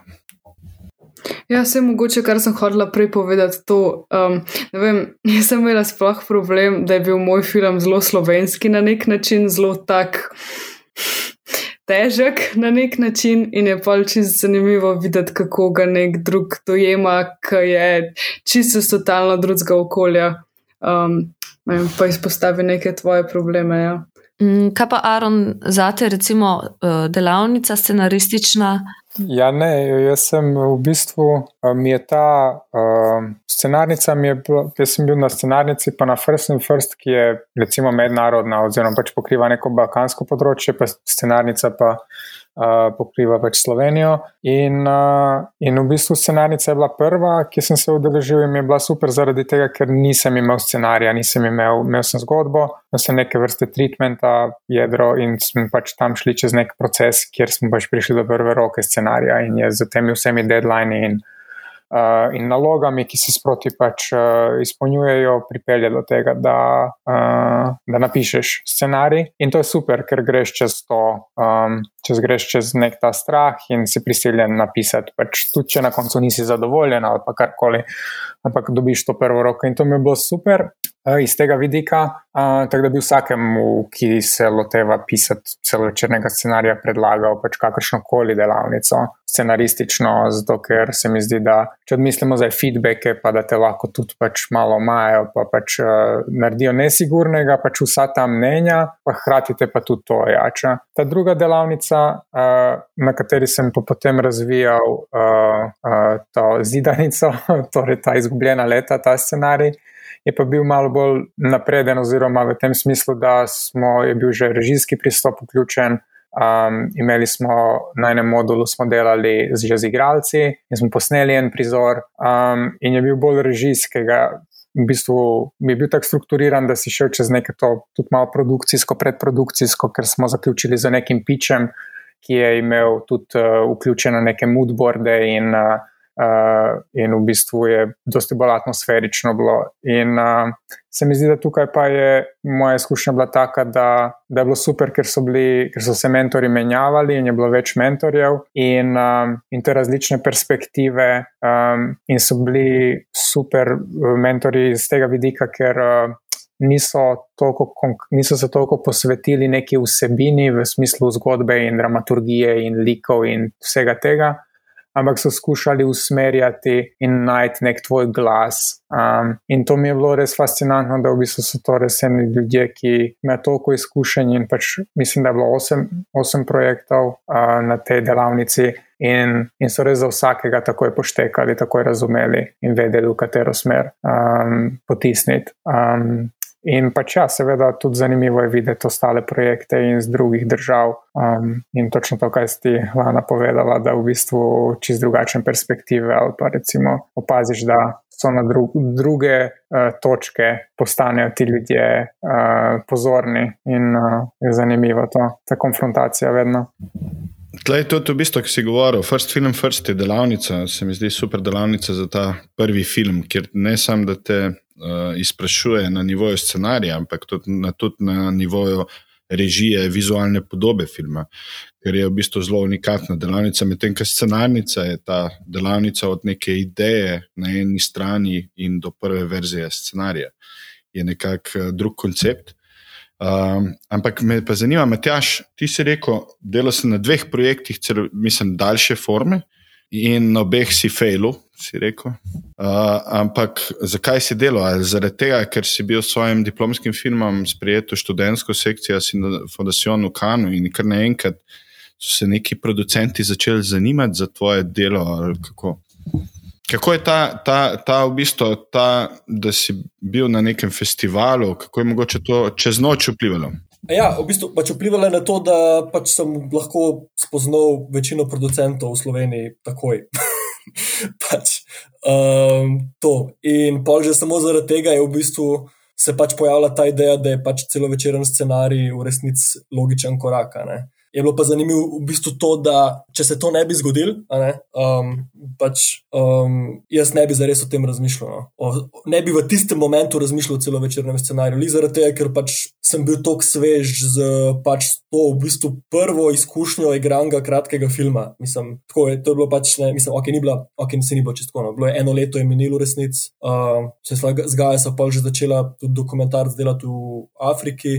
Tako da je bilo malo distance, ampak ja, še vedno sem se pač razmišljal v okviru kratke forme. Uh, tako da bi začel res pač, uh, razvijati nekaj daljšega, sploh ni bilo. Um, Um, ni bilo, v bistvu ni bilo vprašanje, no, ampak pa, pa, pa, pa, pa začneš o tem razmišljati in pač začneš, nek, začneš pisati, in se, aj gess, srečaš pač z uh, to obliko. No? Tako da, v bistvu, kar sem mogoče hotel povedati, je to, da se, da se glede na to, kakšen je bil nek moj proces, čisto organsko, sem se dosti prej začel spraševati o tem, um, kako napisati kratek, uh, celovečeren film, kot bi se če ne. No? Um, in hkrati pa bil na ta proces čist nepripravljen, zaradi tega, ker je bilo na nek način prvič. Ne? Um, in v bistvu se mi je zdi, ne vem, meni, mislim, da je to, ampak to to je čisto neka taka osebna stvar. Recimo, v bistvu se mi zdi ful pomemben, na kakšen način pristopiš k raziskavi svoje teme. No, In se mi zdi, da je to tako v bistvu pri pisanju bolj ključno, kot to, da sproduciraš nekaj, je to, da pač um, da najdeš najprej način, da je v bistvu nek predpogoj za to, da napišeš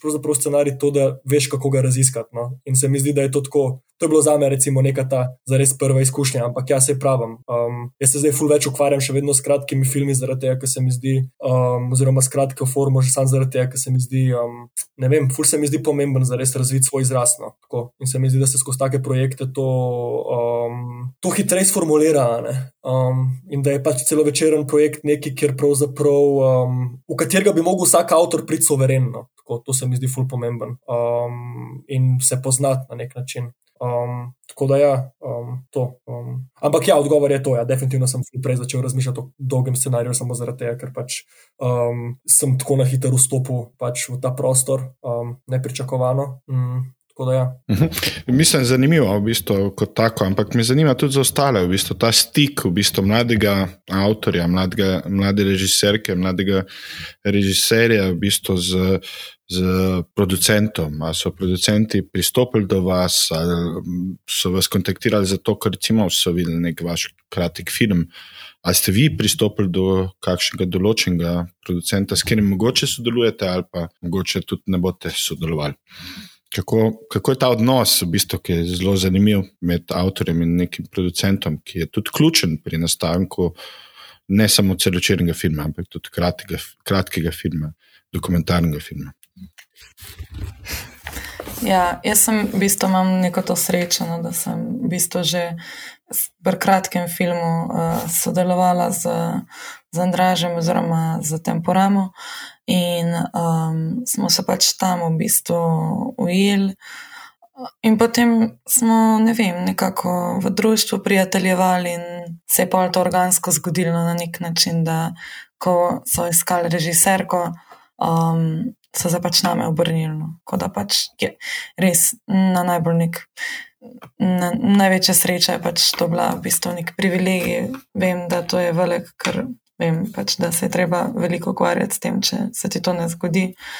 Jaz sem pač, ne vem, ko sem prišla v Ljubljano, um, nekaj take ljudi spoznala in ja, to res sem lahko vesela za to, no, da mi je to omogočeno. Ampak ja. Mm, ne vem pa, kako bi bilo. Velikrat sem razmišljala, no, pač tako, kako je zares težko, če pač nimaš takega, take izkušnje in ja, je verjetno res težko. Vidim to. Aron, recimo, ti, ko si sproduciral že neki stvari sam, um, kako si pa ti pol za te stvari, ko pa si imel producenta, kako si pa ti ta proces uh, izvedel? Ne vem. Uh... Meni očitno sem oseba, s katero je težko sodelovati.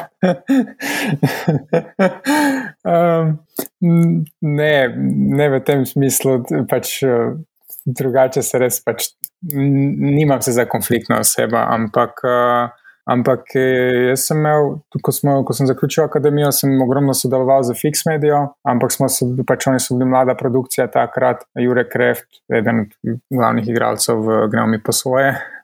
Um, in z njimi smo naredili kar nekaj bolj korpo projektov, nekako pa na teh razpisih Slovenskega filmskega centra pa nismo bili tako uspešni, um, ne vem, zaradi referenc ali česar koli, pa projekti niso bili dovolj dobro pripravljeni. Um, potem sem pa v bistvu bila ena zanimiva izkušnja sodelovati z, z Atalanto. Um, pa v bistvu se mi zdi, da je bilo dosto ok sodelovanje, uh, samo pol nekako pač neki kreativni pač razlike in, in se je pač to sodelovanje prekinilo, kar je se mi zdi, da se pač dogaja in se mi zdi, da to ni nič takega. Um, in v bistvu, ko sem pač pripravljal te celovečerne scenarije, sem pač pristopil do oseb, jaz sem, jaz sem v bistvu kontaktiral ljudi. Um, in moram reči, da je bilo da je bila zanimiva izkušnja, ker se je zelo malo uh, v bistvu je bilo zanimanja za, za celovečerne, uh, za te zgodbe. V tem smislu, da, da, da je veliko ljudi, veliko producentov zasedenih bilo v tisti čas in, je, in so imeli svoje projekte ali pa um, in niso imeli čas se pač ukvarjati z mojim, ali pa jih pač trenutno pač mogoče tista zgodba ni zanimala. Da, um, je pa pripeljalo do tega, da v bistvu vse te kratke filme, ali pa večino teh, ki sem jih sam delal, je bilo pač uh, itak.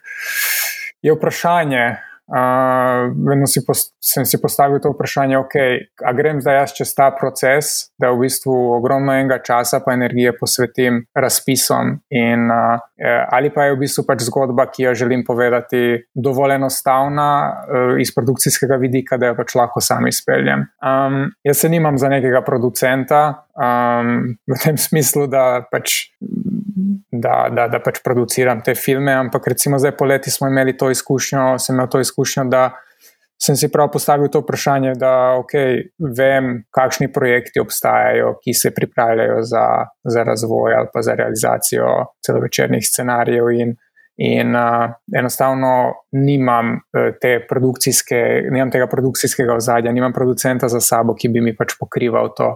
In uh, sem se ponovno vprašal, ali obstaja možnost, če bi lahko jaz to sam na nek način izpeljal z zelo malo denarja. In, um, in ja, in pač to je pripeljalo do tega, da sem našel ekipo in naredili smo to. Da, ne vem, je pa zdaj pač.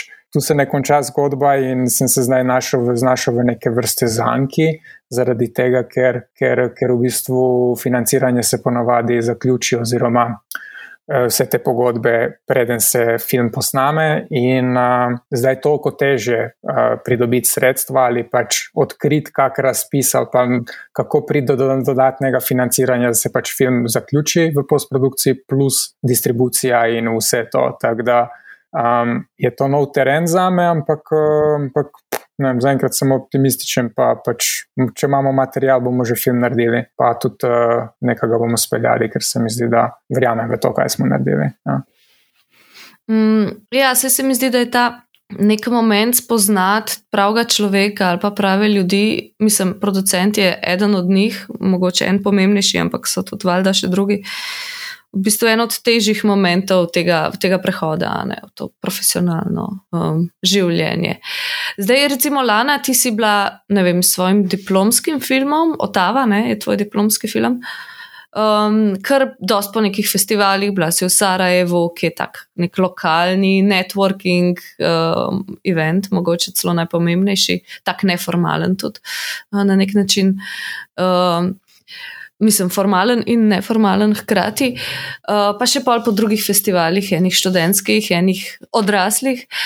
Ne vem, kako si ti to doživljala, ali si imela občutek, da je zdaj tukaj moment, da moraš nekoga spoznati ali pa da lahko nekoga spoznaš. Da, Da boš um, nekaj, kar bo pomembno za tvoje ustvarjanje naprej, zdaj tukaj dobila neko znanje, nekaj ljudi. Ne Ja, definitivno se mi zdi, da sem šla na Sarajevski festival s tem namenom, da bi v bistvu dobila producenta za film, za kratek film, ki ga z Juretom pripravljava. Um, ker so v bistvu želela dobiti producenta v tujini. In se mi zdi, da se takrat niso zavedala, kako je to težko ali pa kako je to v bistvu nek visoko leteč um, cilj. Um, ker pač ne vem, tebi kot tujcu ne bojo nikoli dal sredstev, da boš delal film v tujini. Um, in se mi zdi, no, da sem takrat dobila pač nek občutek tako, da se. Ne vem, da rabiš valjda vse sam pršti, mislim, da si sam v tem. No? Um, Sej sem tudi na Sarajevu spoznala slovenske producente, tako isto izkušnjo se mi zdi, sem imela dosta matjaš, um, da nekako pristopijo do tebe, zaradi tega, ker pač si mogoče zdaj na tem festivalu ali pa delaš nekaj novega. Um, sam takrat sem imela nek uh, različen, drugačen cilj, ki pa je bil zelo visoko letečno. Um, na ostalih festivalih um, se mi zdi pa, da te vedno, tudi tako, ko se pogovarjaš s producenti, te nekako um, kot tujce obravnavajo. Nikoli nisi tako, ti si zdaj del te scene, ampak si pač tujc, nek filmer iz uh, druge države uh, ki je pač zanimivo se z njim pogovarjati. Sam, vem, se mi zdi, da je res težko polno odpreti tudi v neko koprodukcijo. A je kakšna stvar, zdaj um, ste vsi v bistvu že bolj kot ne dobro uh, diplomirali, ste eni celo magistrirali, uh, vstopate, eni bolj že resno, en vidva, uh, Matjaš pa Lana, mal um, začenjata šele bolj v ta profesionalen svet. A je kakšna taka stvar, ko se vam zdi, da si želite, da bi obstajala, ali pa ste slišali, da kje celo obstaja, ki, ba, ki bi vam olajšala ta prehod? Ne vem, neka sistemska zadeva, neki karkoli, kar, kar se vam zdi, da bi vam pa res pomagali, da bi vam bilo lažje. Um, ali pa da bi, ne vem, ali dobili lažje neke sodelavce, ali neko samozavest, ali neka znanja, ali uh, nek puž za kakšen projekt. Ne vem, karkoli ta zgano, kar se vam zdi, da prav manjka tukaj pri nas. Bom kar določila, kdo začne. Um, gremo po abecedi, Aaron, začni. Um, je v bistvu Vem, zanimivo vprašanje zaradi tega, ker se mi zdi, da, um, da v bistvu, če izhajam iz sebe, kar bi si želel, je v zvezi z režijo in z pač ustvarjanjem, je mogoče pač to brezkompromisno ali pa ne, ne brez kompromisa, ni prava beseda. Um, v bistvu pač to neko to svobodno ustvarjanje. Torej, da, da, da, pač, da, da če imam idejo, um, ne vem, država ali pa kdorkoli, ki pač to financira ali je pač, da, da stoji za mano uh, in, in verjame v ta projekt. Za, vem, za enkrat bi bilo tudi carsko, če, če bi imel pač producenta, uh, ki, ki, ki nekoga, ki stoji za mano in, in res verjame enako v ta projekt in vem, da nisem sam v tem. Um, po drugi strani pa, recimo, da malo bolj konkretno odgovorim, je recimo, ne vem. Uh, mislim, da lani je bil, lani je na Hrvaškem, uh, so odprli, oziroma pač je en, en razpis za nizkoproračunske projekte, in ne vem, so, mislim, da do 100 tisoč evrov in so, in so v bistvu, ne vem, če je bila neka starostna omejitev, ampak so pač podprli projekte, ki, ki, so, ki so delali, ki so bili do 100 tisoč evrov.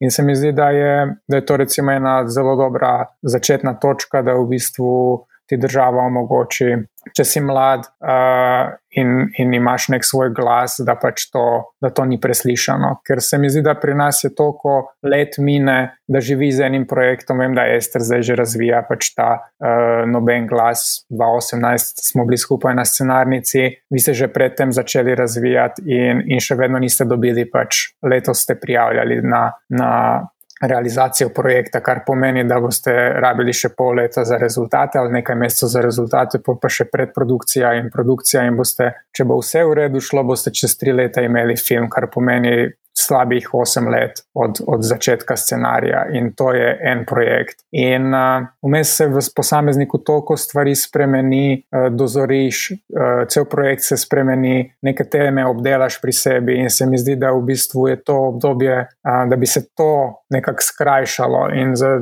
Z nekim malim finančnim pušom ali kajkoli za mlade, da bi se pač nekaj bolj osredotočilo na to, se mi zdi, da bi to um, omogočilo, um, nek, uh, pač nek, ne vem, da bi, da bi nek, neka generacija dobila svoj glas v bistvu. In, in to bi bilo pač super, se mi zdi, za, za vse nas. Meni se zdi, sam, da je že ena stvar, um, ko bi že nekaj naredila, je to, ne? ker je res to, ko začneš ta leta seštevati, človeku kar zamori. Ampak že to, da bi studio Viba bil malo bolj opremljen, da bi bilo več opreme na voljo, več kadra tam na voljo, da ti lahko tudi, ko enkrat dobiš potrjen projekt, uh, greš snemati čez pol leta. Recimo, ne, če nisi zdaj en od teh ljudi, ki bo eno leto iskal sam koproducente, ampak če imaš nek nizkobudžetni film, ki je recimo pripravljen za snemanje, rabaš opremo, rabaš neke te usluge od Vibe, pa da bi to lahko tako nekako, um, da bi imela Viba dost prostora in opreme za vse, ki bi želeli takoj.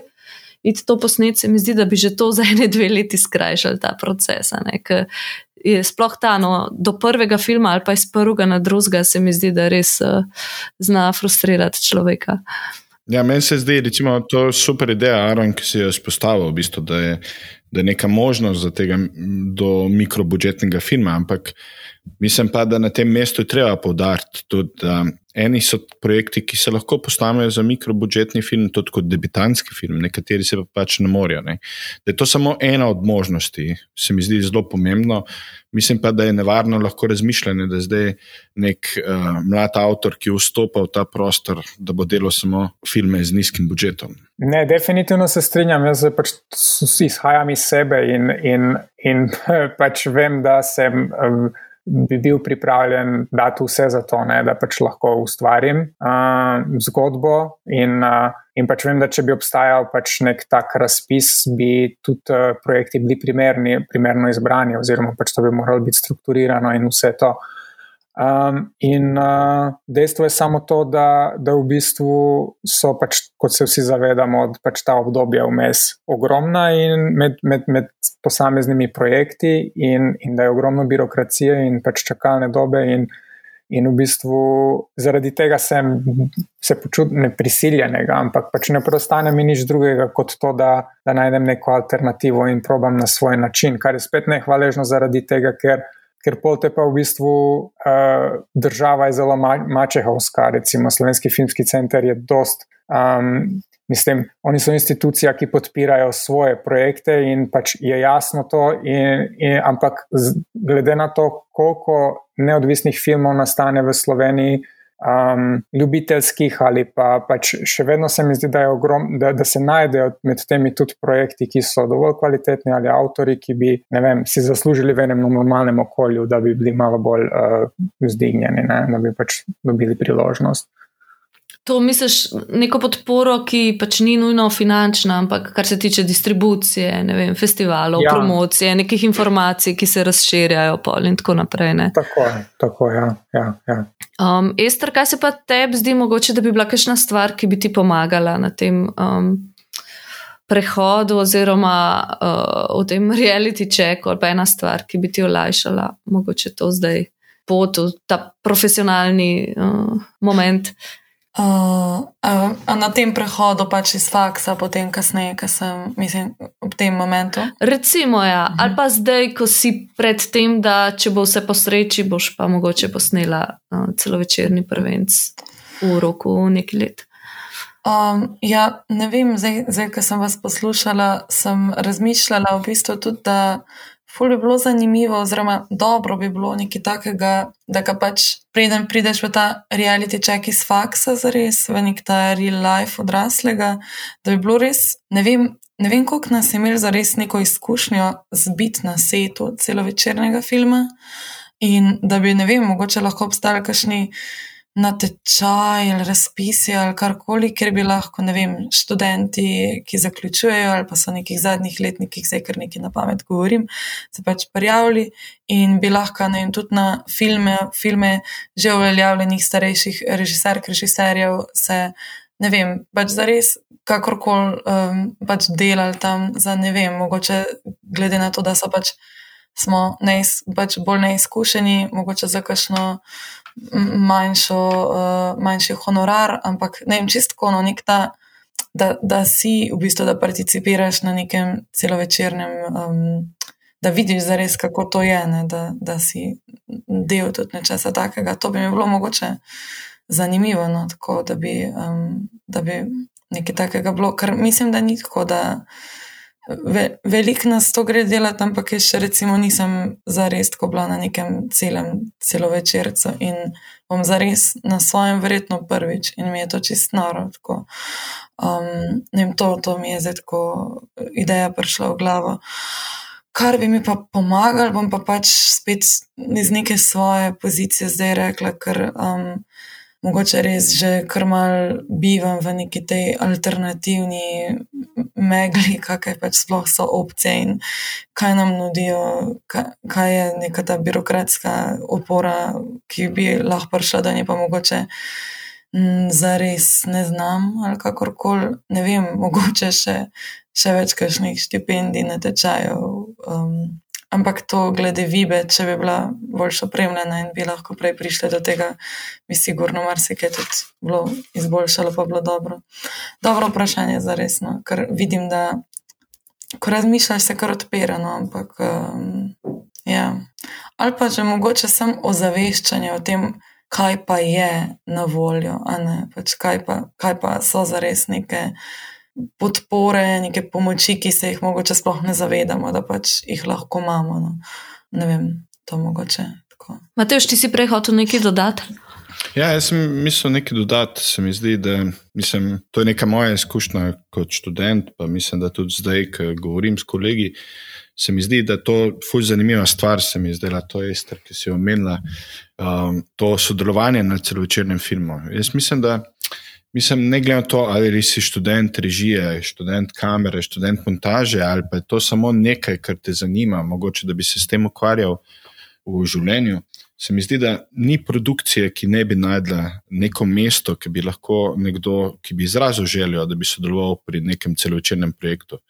Um, jaz to govorim iz, predvsem zaradi tega, ker uh, veliko poslušam iz ene in druge strani in ljudje so zelo odprti. Mislim, da na tem mestu je treba podariti to, da je treba samo mogoče včasih dvigniti telefon, pa poklicati ali poslati en mail mislim, da je mogoče tri mele, štiri mele, ampak nekdo, nekdo bo sigurno pristal na to. To so bile neke moje osebne izkušnje, kjer sem včasih mogoče predrzno koga je vprašal, in, in potem se kar ponudi neka prilika. Mislim, da je, je treba včasih samo vprašati.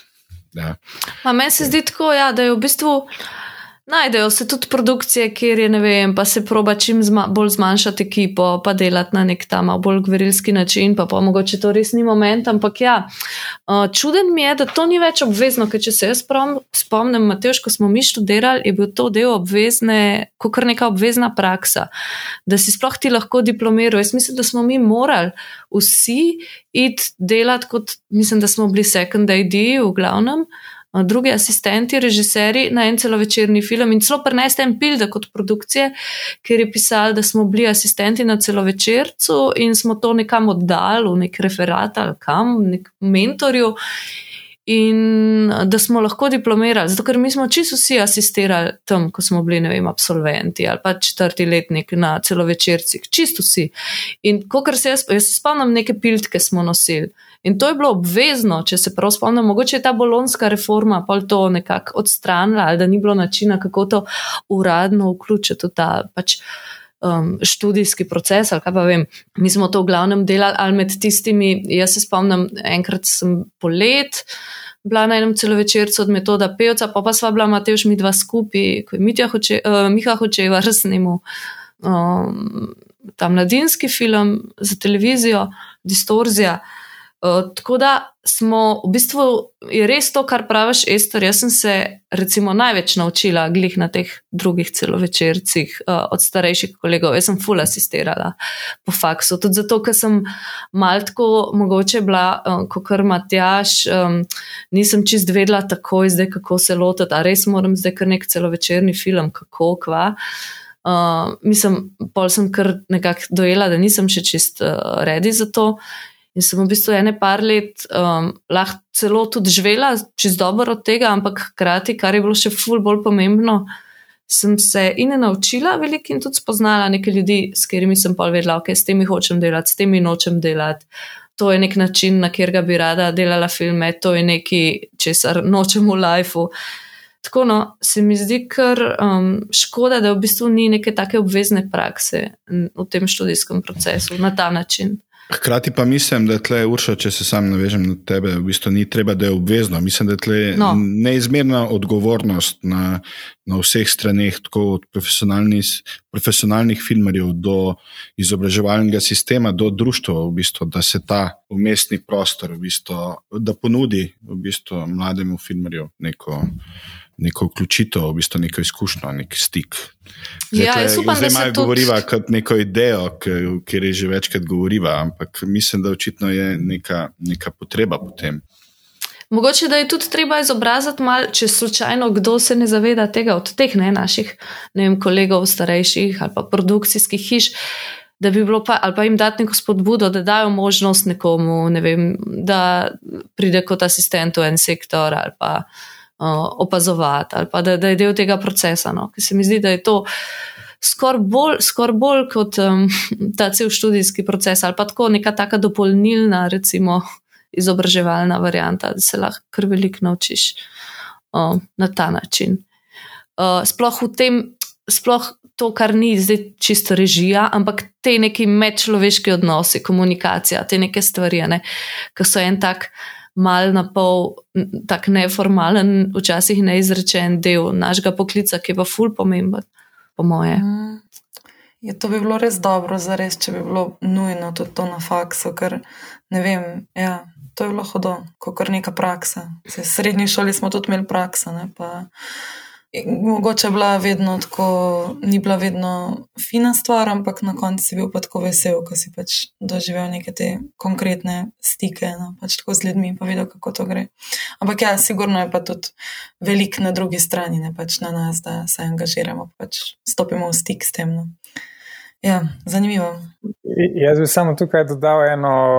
Um, eno stvar, ki, ki, sem, ki sem jo opazil, ali pa pač uh, sem slišal tudi od kolegov. In to jaz, recimo, nimam toliko izkušenj z asistiranjem, um, ker sem se na nek način tega vedno izogibal. Ker mi je v bistvu nekako to delo, biti asistent, se mi zdi, da ogromno se naučiš na svetu, pa pa pač uh, vidiš in, in, in, in, in, in res je lahko koristno za tebe, ampak to samo delo se mi zdi zelo težko in uh, nekaj, kar ni. Ne, Zelo, zelo birokratsko, zelo, ne birokratsko, ampak zelo težko, zelo suhoparno delajo, biti, biti asistent, zelo tehnično. In, in, um, in, in si tega nikoli zares nisem želel delati. Pol pa, kar sem opazil, oziroma kaj so mi pač uh, tudi uh, kolegi povedali, ki so veliko asistirali, da je lahko nevarno iz tega vidika, ker, uh, ker te začnejo tretirati kot asistenta režije, ne, ne, asistenta režiserja, ne pa kot režiserja. In te, in te začnejo klicati na sete kot asistenta režiserja. In lahko uh, ti v bistvu pač živiš od tega, ampak ogromnega časa in energije vložiš v to, in sem opazil, da pač ti, ti kolegi pač v tisto obdobje niso vedeli ali pa niso bili kreativni zaradi tega in, niso, in so zapostavili pač svoje stvari, ker, ker enostavno jim ni zneslo, ker si potem ti pač dobesedno živiš za tisti drug projekt. In biti asistent režija ni 12-urno delo, ampak ti greš domov in potem še kličeš igralce in ekipo in vse to. In In je to res ogromna odgovornost in kapo da vsem tem ljudem, ampak se mi zdi, da moraš biti tudi karakter za to. In, in je to, res to, ja, da, da je ene par pasti, glih to, to je ena, ki si jo omenil. Pa druga je, da hiter se mi zdi, rataš pameten, ko gledaš um, te izkušene kolege, kako jim nekaj ne gre in se ti zdi, ma to bi jaz.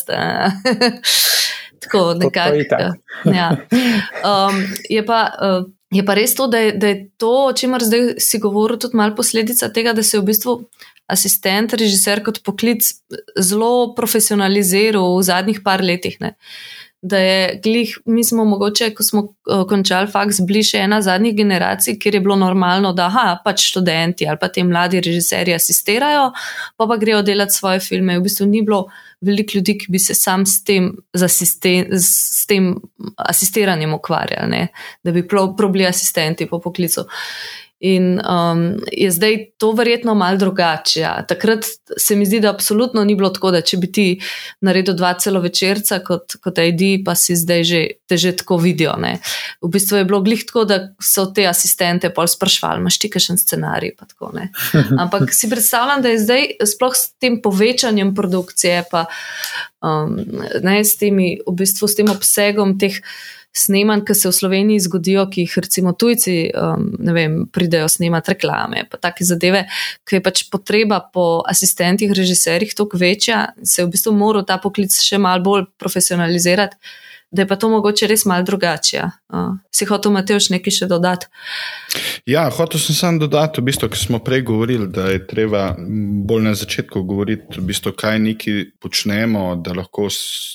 Svoje, delamo na svojih projektih, v bistvu, da moramo nekaj drugega delati, da lahko počnemo na svojih projektih. Med drugim, uh, je tudi to ena, ena pot, da ostaneš znotraj filma, da spoznaš ljudi, da spoznaš cel postopek nastajanja filma, da v bistvu nekaj let delaš kot asistent režisera ali pa, ali pa v kar, kakršen koli drug profil znotraj sveta. Recimo, meni osebno je bilo vedno pomembno na začetku, da sem, bil, da sem imel ta stik z filmskim setom, ne glede na to, kaj se delo.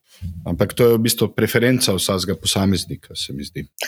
Ja, jaz se s tem popolnoma strinjam in, in, in pač lahko rečem, da sem jaz, mislim, da sem tudi prej povedal, da sem na začetku se mi zdelo samo, da se, sem imel ta, to željo, samo da sem na setu, ne, pa ni, ni pomembno na kakšnem setu. Ne.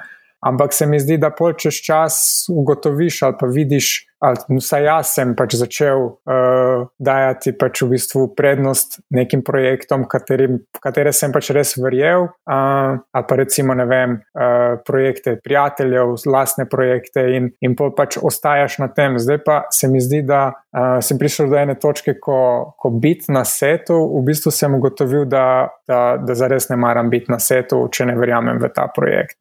In, in je pač res, res ne vem, zakaj. Um, zakaj bi, bi, bi, bi pač človek šel čez neke, neke te, v bistvu pač to, kako bi rekel, agonijo filmskega snemanja, ki je pač res mučno in uh, če.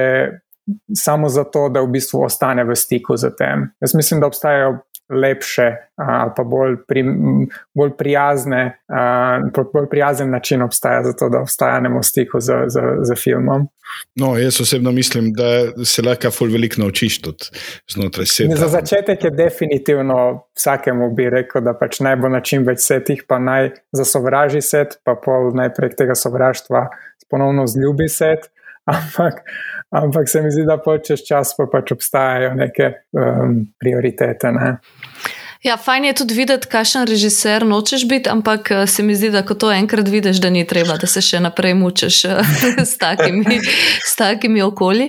Je pa res ena stvar, no, to sem se še spomnil, zdaj, ko si govoril, um, vse te stvari, ki ti polo omogočajo neki preživetje, ne, kar so nekaj, kar nisi primarno hotel početi, kot so te asistence ali pa če pač nočeš biti asistent po poklicu ali pa delati neke te komercialne projekte, če v resnici si najbolj želiš delati film ali pa nek bolj res nek umetniški izdelek, se mi zdi, da moraš tudi vedno ob pravem času iti ven iz tega. Um, dobro, vi še niste pač na tej točki, ste še vsi ful mladi, ampak recimo jaz sem tudi videla zase na eni točki, um, da je to skrajni, skrajni cajt, da neham delati stvari, um, s katerimi bom preživela, ampak da začnem delati pač čim bolj za res svoje, svoje zadeve. Ker ko si enkrat 45, pol že težko, recimo, debitiraš, ne, z celo večercem. Mislim, da se, marsikdo je, vsaj v Sloveniji, ni to tako nenavadno. Ampak se mi zdi, da to traja težje. Ne. In, in moraš tudi najti pravi moment za, um, za se posvetiti v bistvu tej, temu, kar ti je pravzaprav prioriteta. Uh, kaj pa Lana, recimo, uh, pa Matjaš, vidva, ki sta bolj fresh, kaj je kakšna stvar, ki bi zdaj vama uh, na tej točki pomagala, da bi lažje naredila ta korak, um, postala pač profesionalca, režiserja v nekem tem pomenu, um, ne vem, da bi res to delala, od tega živela in tako naprej. Jaz, po mojem, kar podpišem to obvezno prakso ali pa asistiranje. Um, jaz sem v bistvu lih iz Finske prišla, pa sem bila en mesec na TV-setu um, in se mi zdi, da so lih tudi neke take izkušnje, ki ti dajo um, neko popotnico za naprej. Um, tako da definitivno podpišem to, um, da bi bilo to obvezno na faksu. Tako da po mojem to, pa ne vem čist neke take zadeve, kako Sej vem, da je to ful bizarno, pa da se moramo vsi sami brigati za te stvari. Sam faks je res en tak mehurček, ki pride mogoče.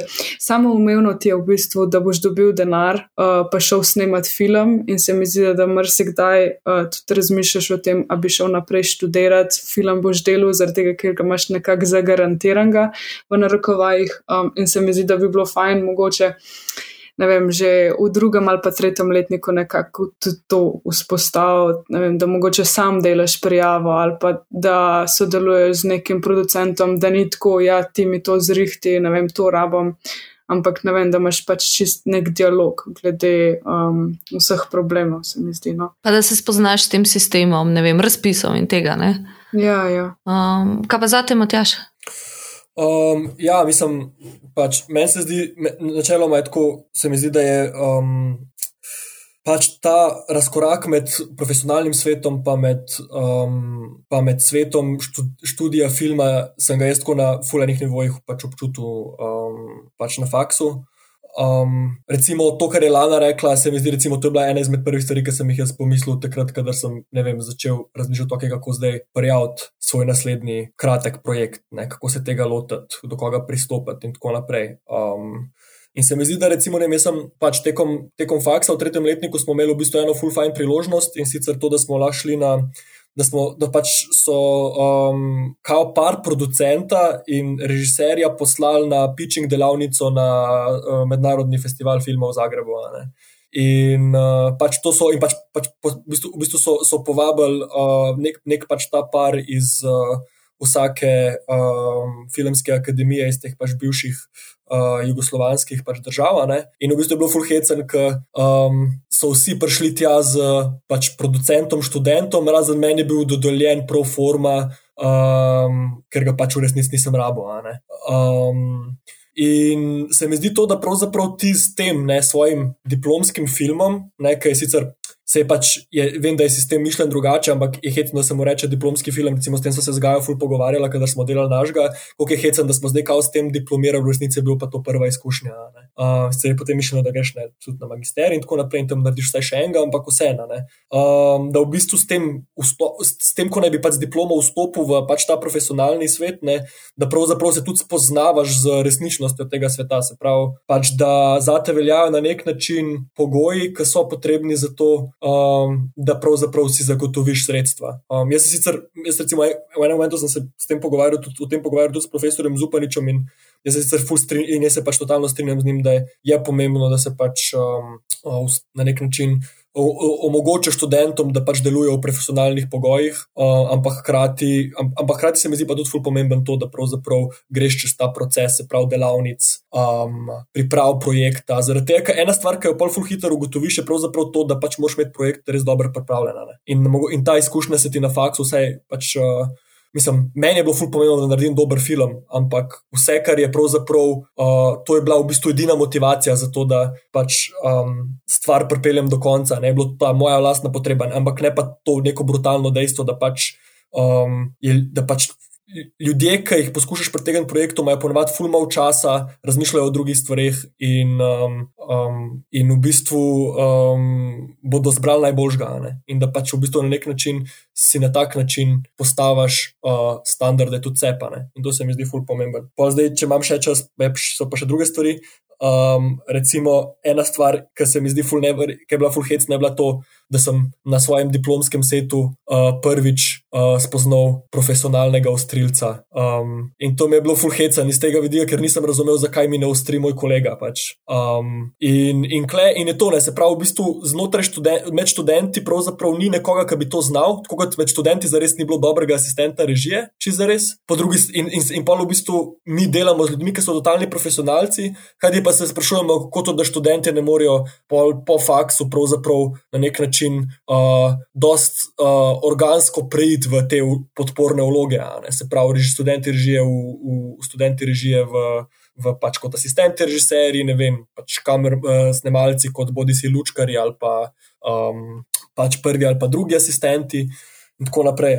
Um, in v bistvu, ne vem, recimo ena od mojih želja je bila v bistvu to, da bi naredil film za študentsko ekipo. Pač. Um, zato, ker se mi zdi, da je in, in bi bil za voljo tega, bi bil pripravljen, ne vem, se mi zdi, da bi pač film stal manj, po drugi strani pa uh, sem jaz, ne vem, se mi zdi, da, da, da, da ene stvari, ki so vezane na avtorstvo ali pa na to, na kakšen način povedati, film, povedati svojo zgodbo, pravzaprav niso, um, um, se lahko uresničijo tudi v uh, okoljih, kjer se učijo tudi tisti okoli sebe. No. Tako da, recimo, če je pa to sploh, če pa to del študijskega procesa, se mi zdi pa še toliko boljšno. Tako da se mi zdi, da bi mogli ful več delati na tem, da bi pravzaprav bil ta svet. Mm, mm, Študija, pa, profe, pa, pa, pa svet profesionalnega filma, pravzaprav bolj prepleten in da bi pač vstopil že tekom študija van, oziroma da bi bil sistem na tak način naravnan, ne pa da bi bil sam sebi prepuščen. No, mm. Super, super istočnica za zadnje vprašanje. V bistvu. Super istočnica za zadnje vprašanje, ki je v bistvu tako message in bottle, to vprašanje. In sicer, kako sami sebe vidite, sebe in svojo kariero čez deset let? Kaj se bo v teh desetih letih zgodilo? Kakšne imate pričakovanja, kakšne imate želje? Um, ja, ne, mislim, meni se zdi, da je tako um, pač, um, naravna pot za režiserja. Mislim, za me je to, da pač posnamem celo večeren film, um, pač druge v resnici ni. No. Um, Um, zdaj, ker se mi zdi, da je v resnici to um, pač tisti pravi vstop um, v filmski svet. No. Um, in tudi se mi zdi, da pač, um, ja, se mi zdi, da je, je, je jaz ful kratko formo, ful vidim v smislu um, enega preizkušanja forme, učenja. Um, celo večeren film se mi zdi, da je pa takrat, kadar, um, kadar se pač zares vzpostaviš in to je v bistvu tudi ena forma, v kateri so ljudje navajeni sprejemati filmske zgodbe. Um, tako da ja, pač jaz mislim, da ne vem, meni men je tako fulblo zanimivo slišati, vaj, recimo, ne vem, pač izkušnje Ester in Arona, ki sta že šla v bistvu na nek način na to pot. Um, pač ne vem, jaz upam, da bo, da, da bo, jaz upam, da bom posnel to preko v desetih letih, čisti iskreno. Um, ampak um, ja, pač, um, ali pa vsaj, da bom v desetih letih um, res na full dobri poti, da se bo to uresničilo. No. Um, ampak ja, pač, jaz, jaz res upam, da bo preko v desetih letih. No. Um, jaz mislim, da je zdaj rekel, vsaj tri filme bom imel za sabo v des, desetih letih. Pač, Mal provociram. Jaz, ne, ne, ne. Pač, definitivno si želim imeti tri celovečerne filme za sabo v desetih letih. To je bilo edino prav. Tako, da, um. Jaz sem po mojem dosti podobno željo kot Matjaš, um, ampak so to neke te osebni um, goli. Ampak po mojem ta največje je pa sam po mojem, da ne obupati. Um, glede na to, da je taka situacija. Male, situacija je taka, že odkar smo, odkar smo mi dva z Matežem začela študirati, ampak kar nekako grizemo. No? Tako da, um, po moje, po moje no, boste no, tudi vi. Me to gvolje, um, da pač ne nehaš. Ne?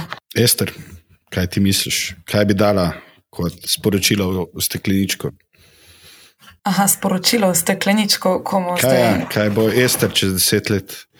Um, jo, jaz mislim, da se bo čez deset let svet, ki ga poznamo, zelo spremenil. Um, to je sigurno. glede na ekološke situacije in ne, vse, kar je. Um, veš kaj, iskreno povedano, jaz si fur težko predstavljam svoje življenje več let naprej.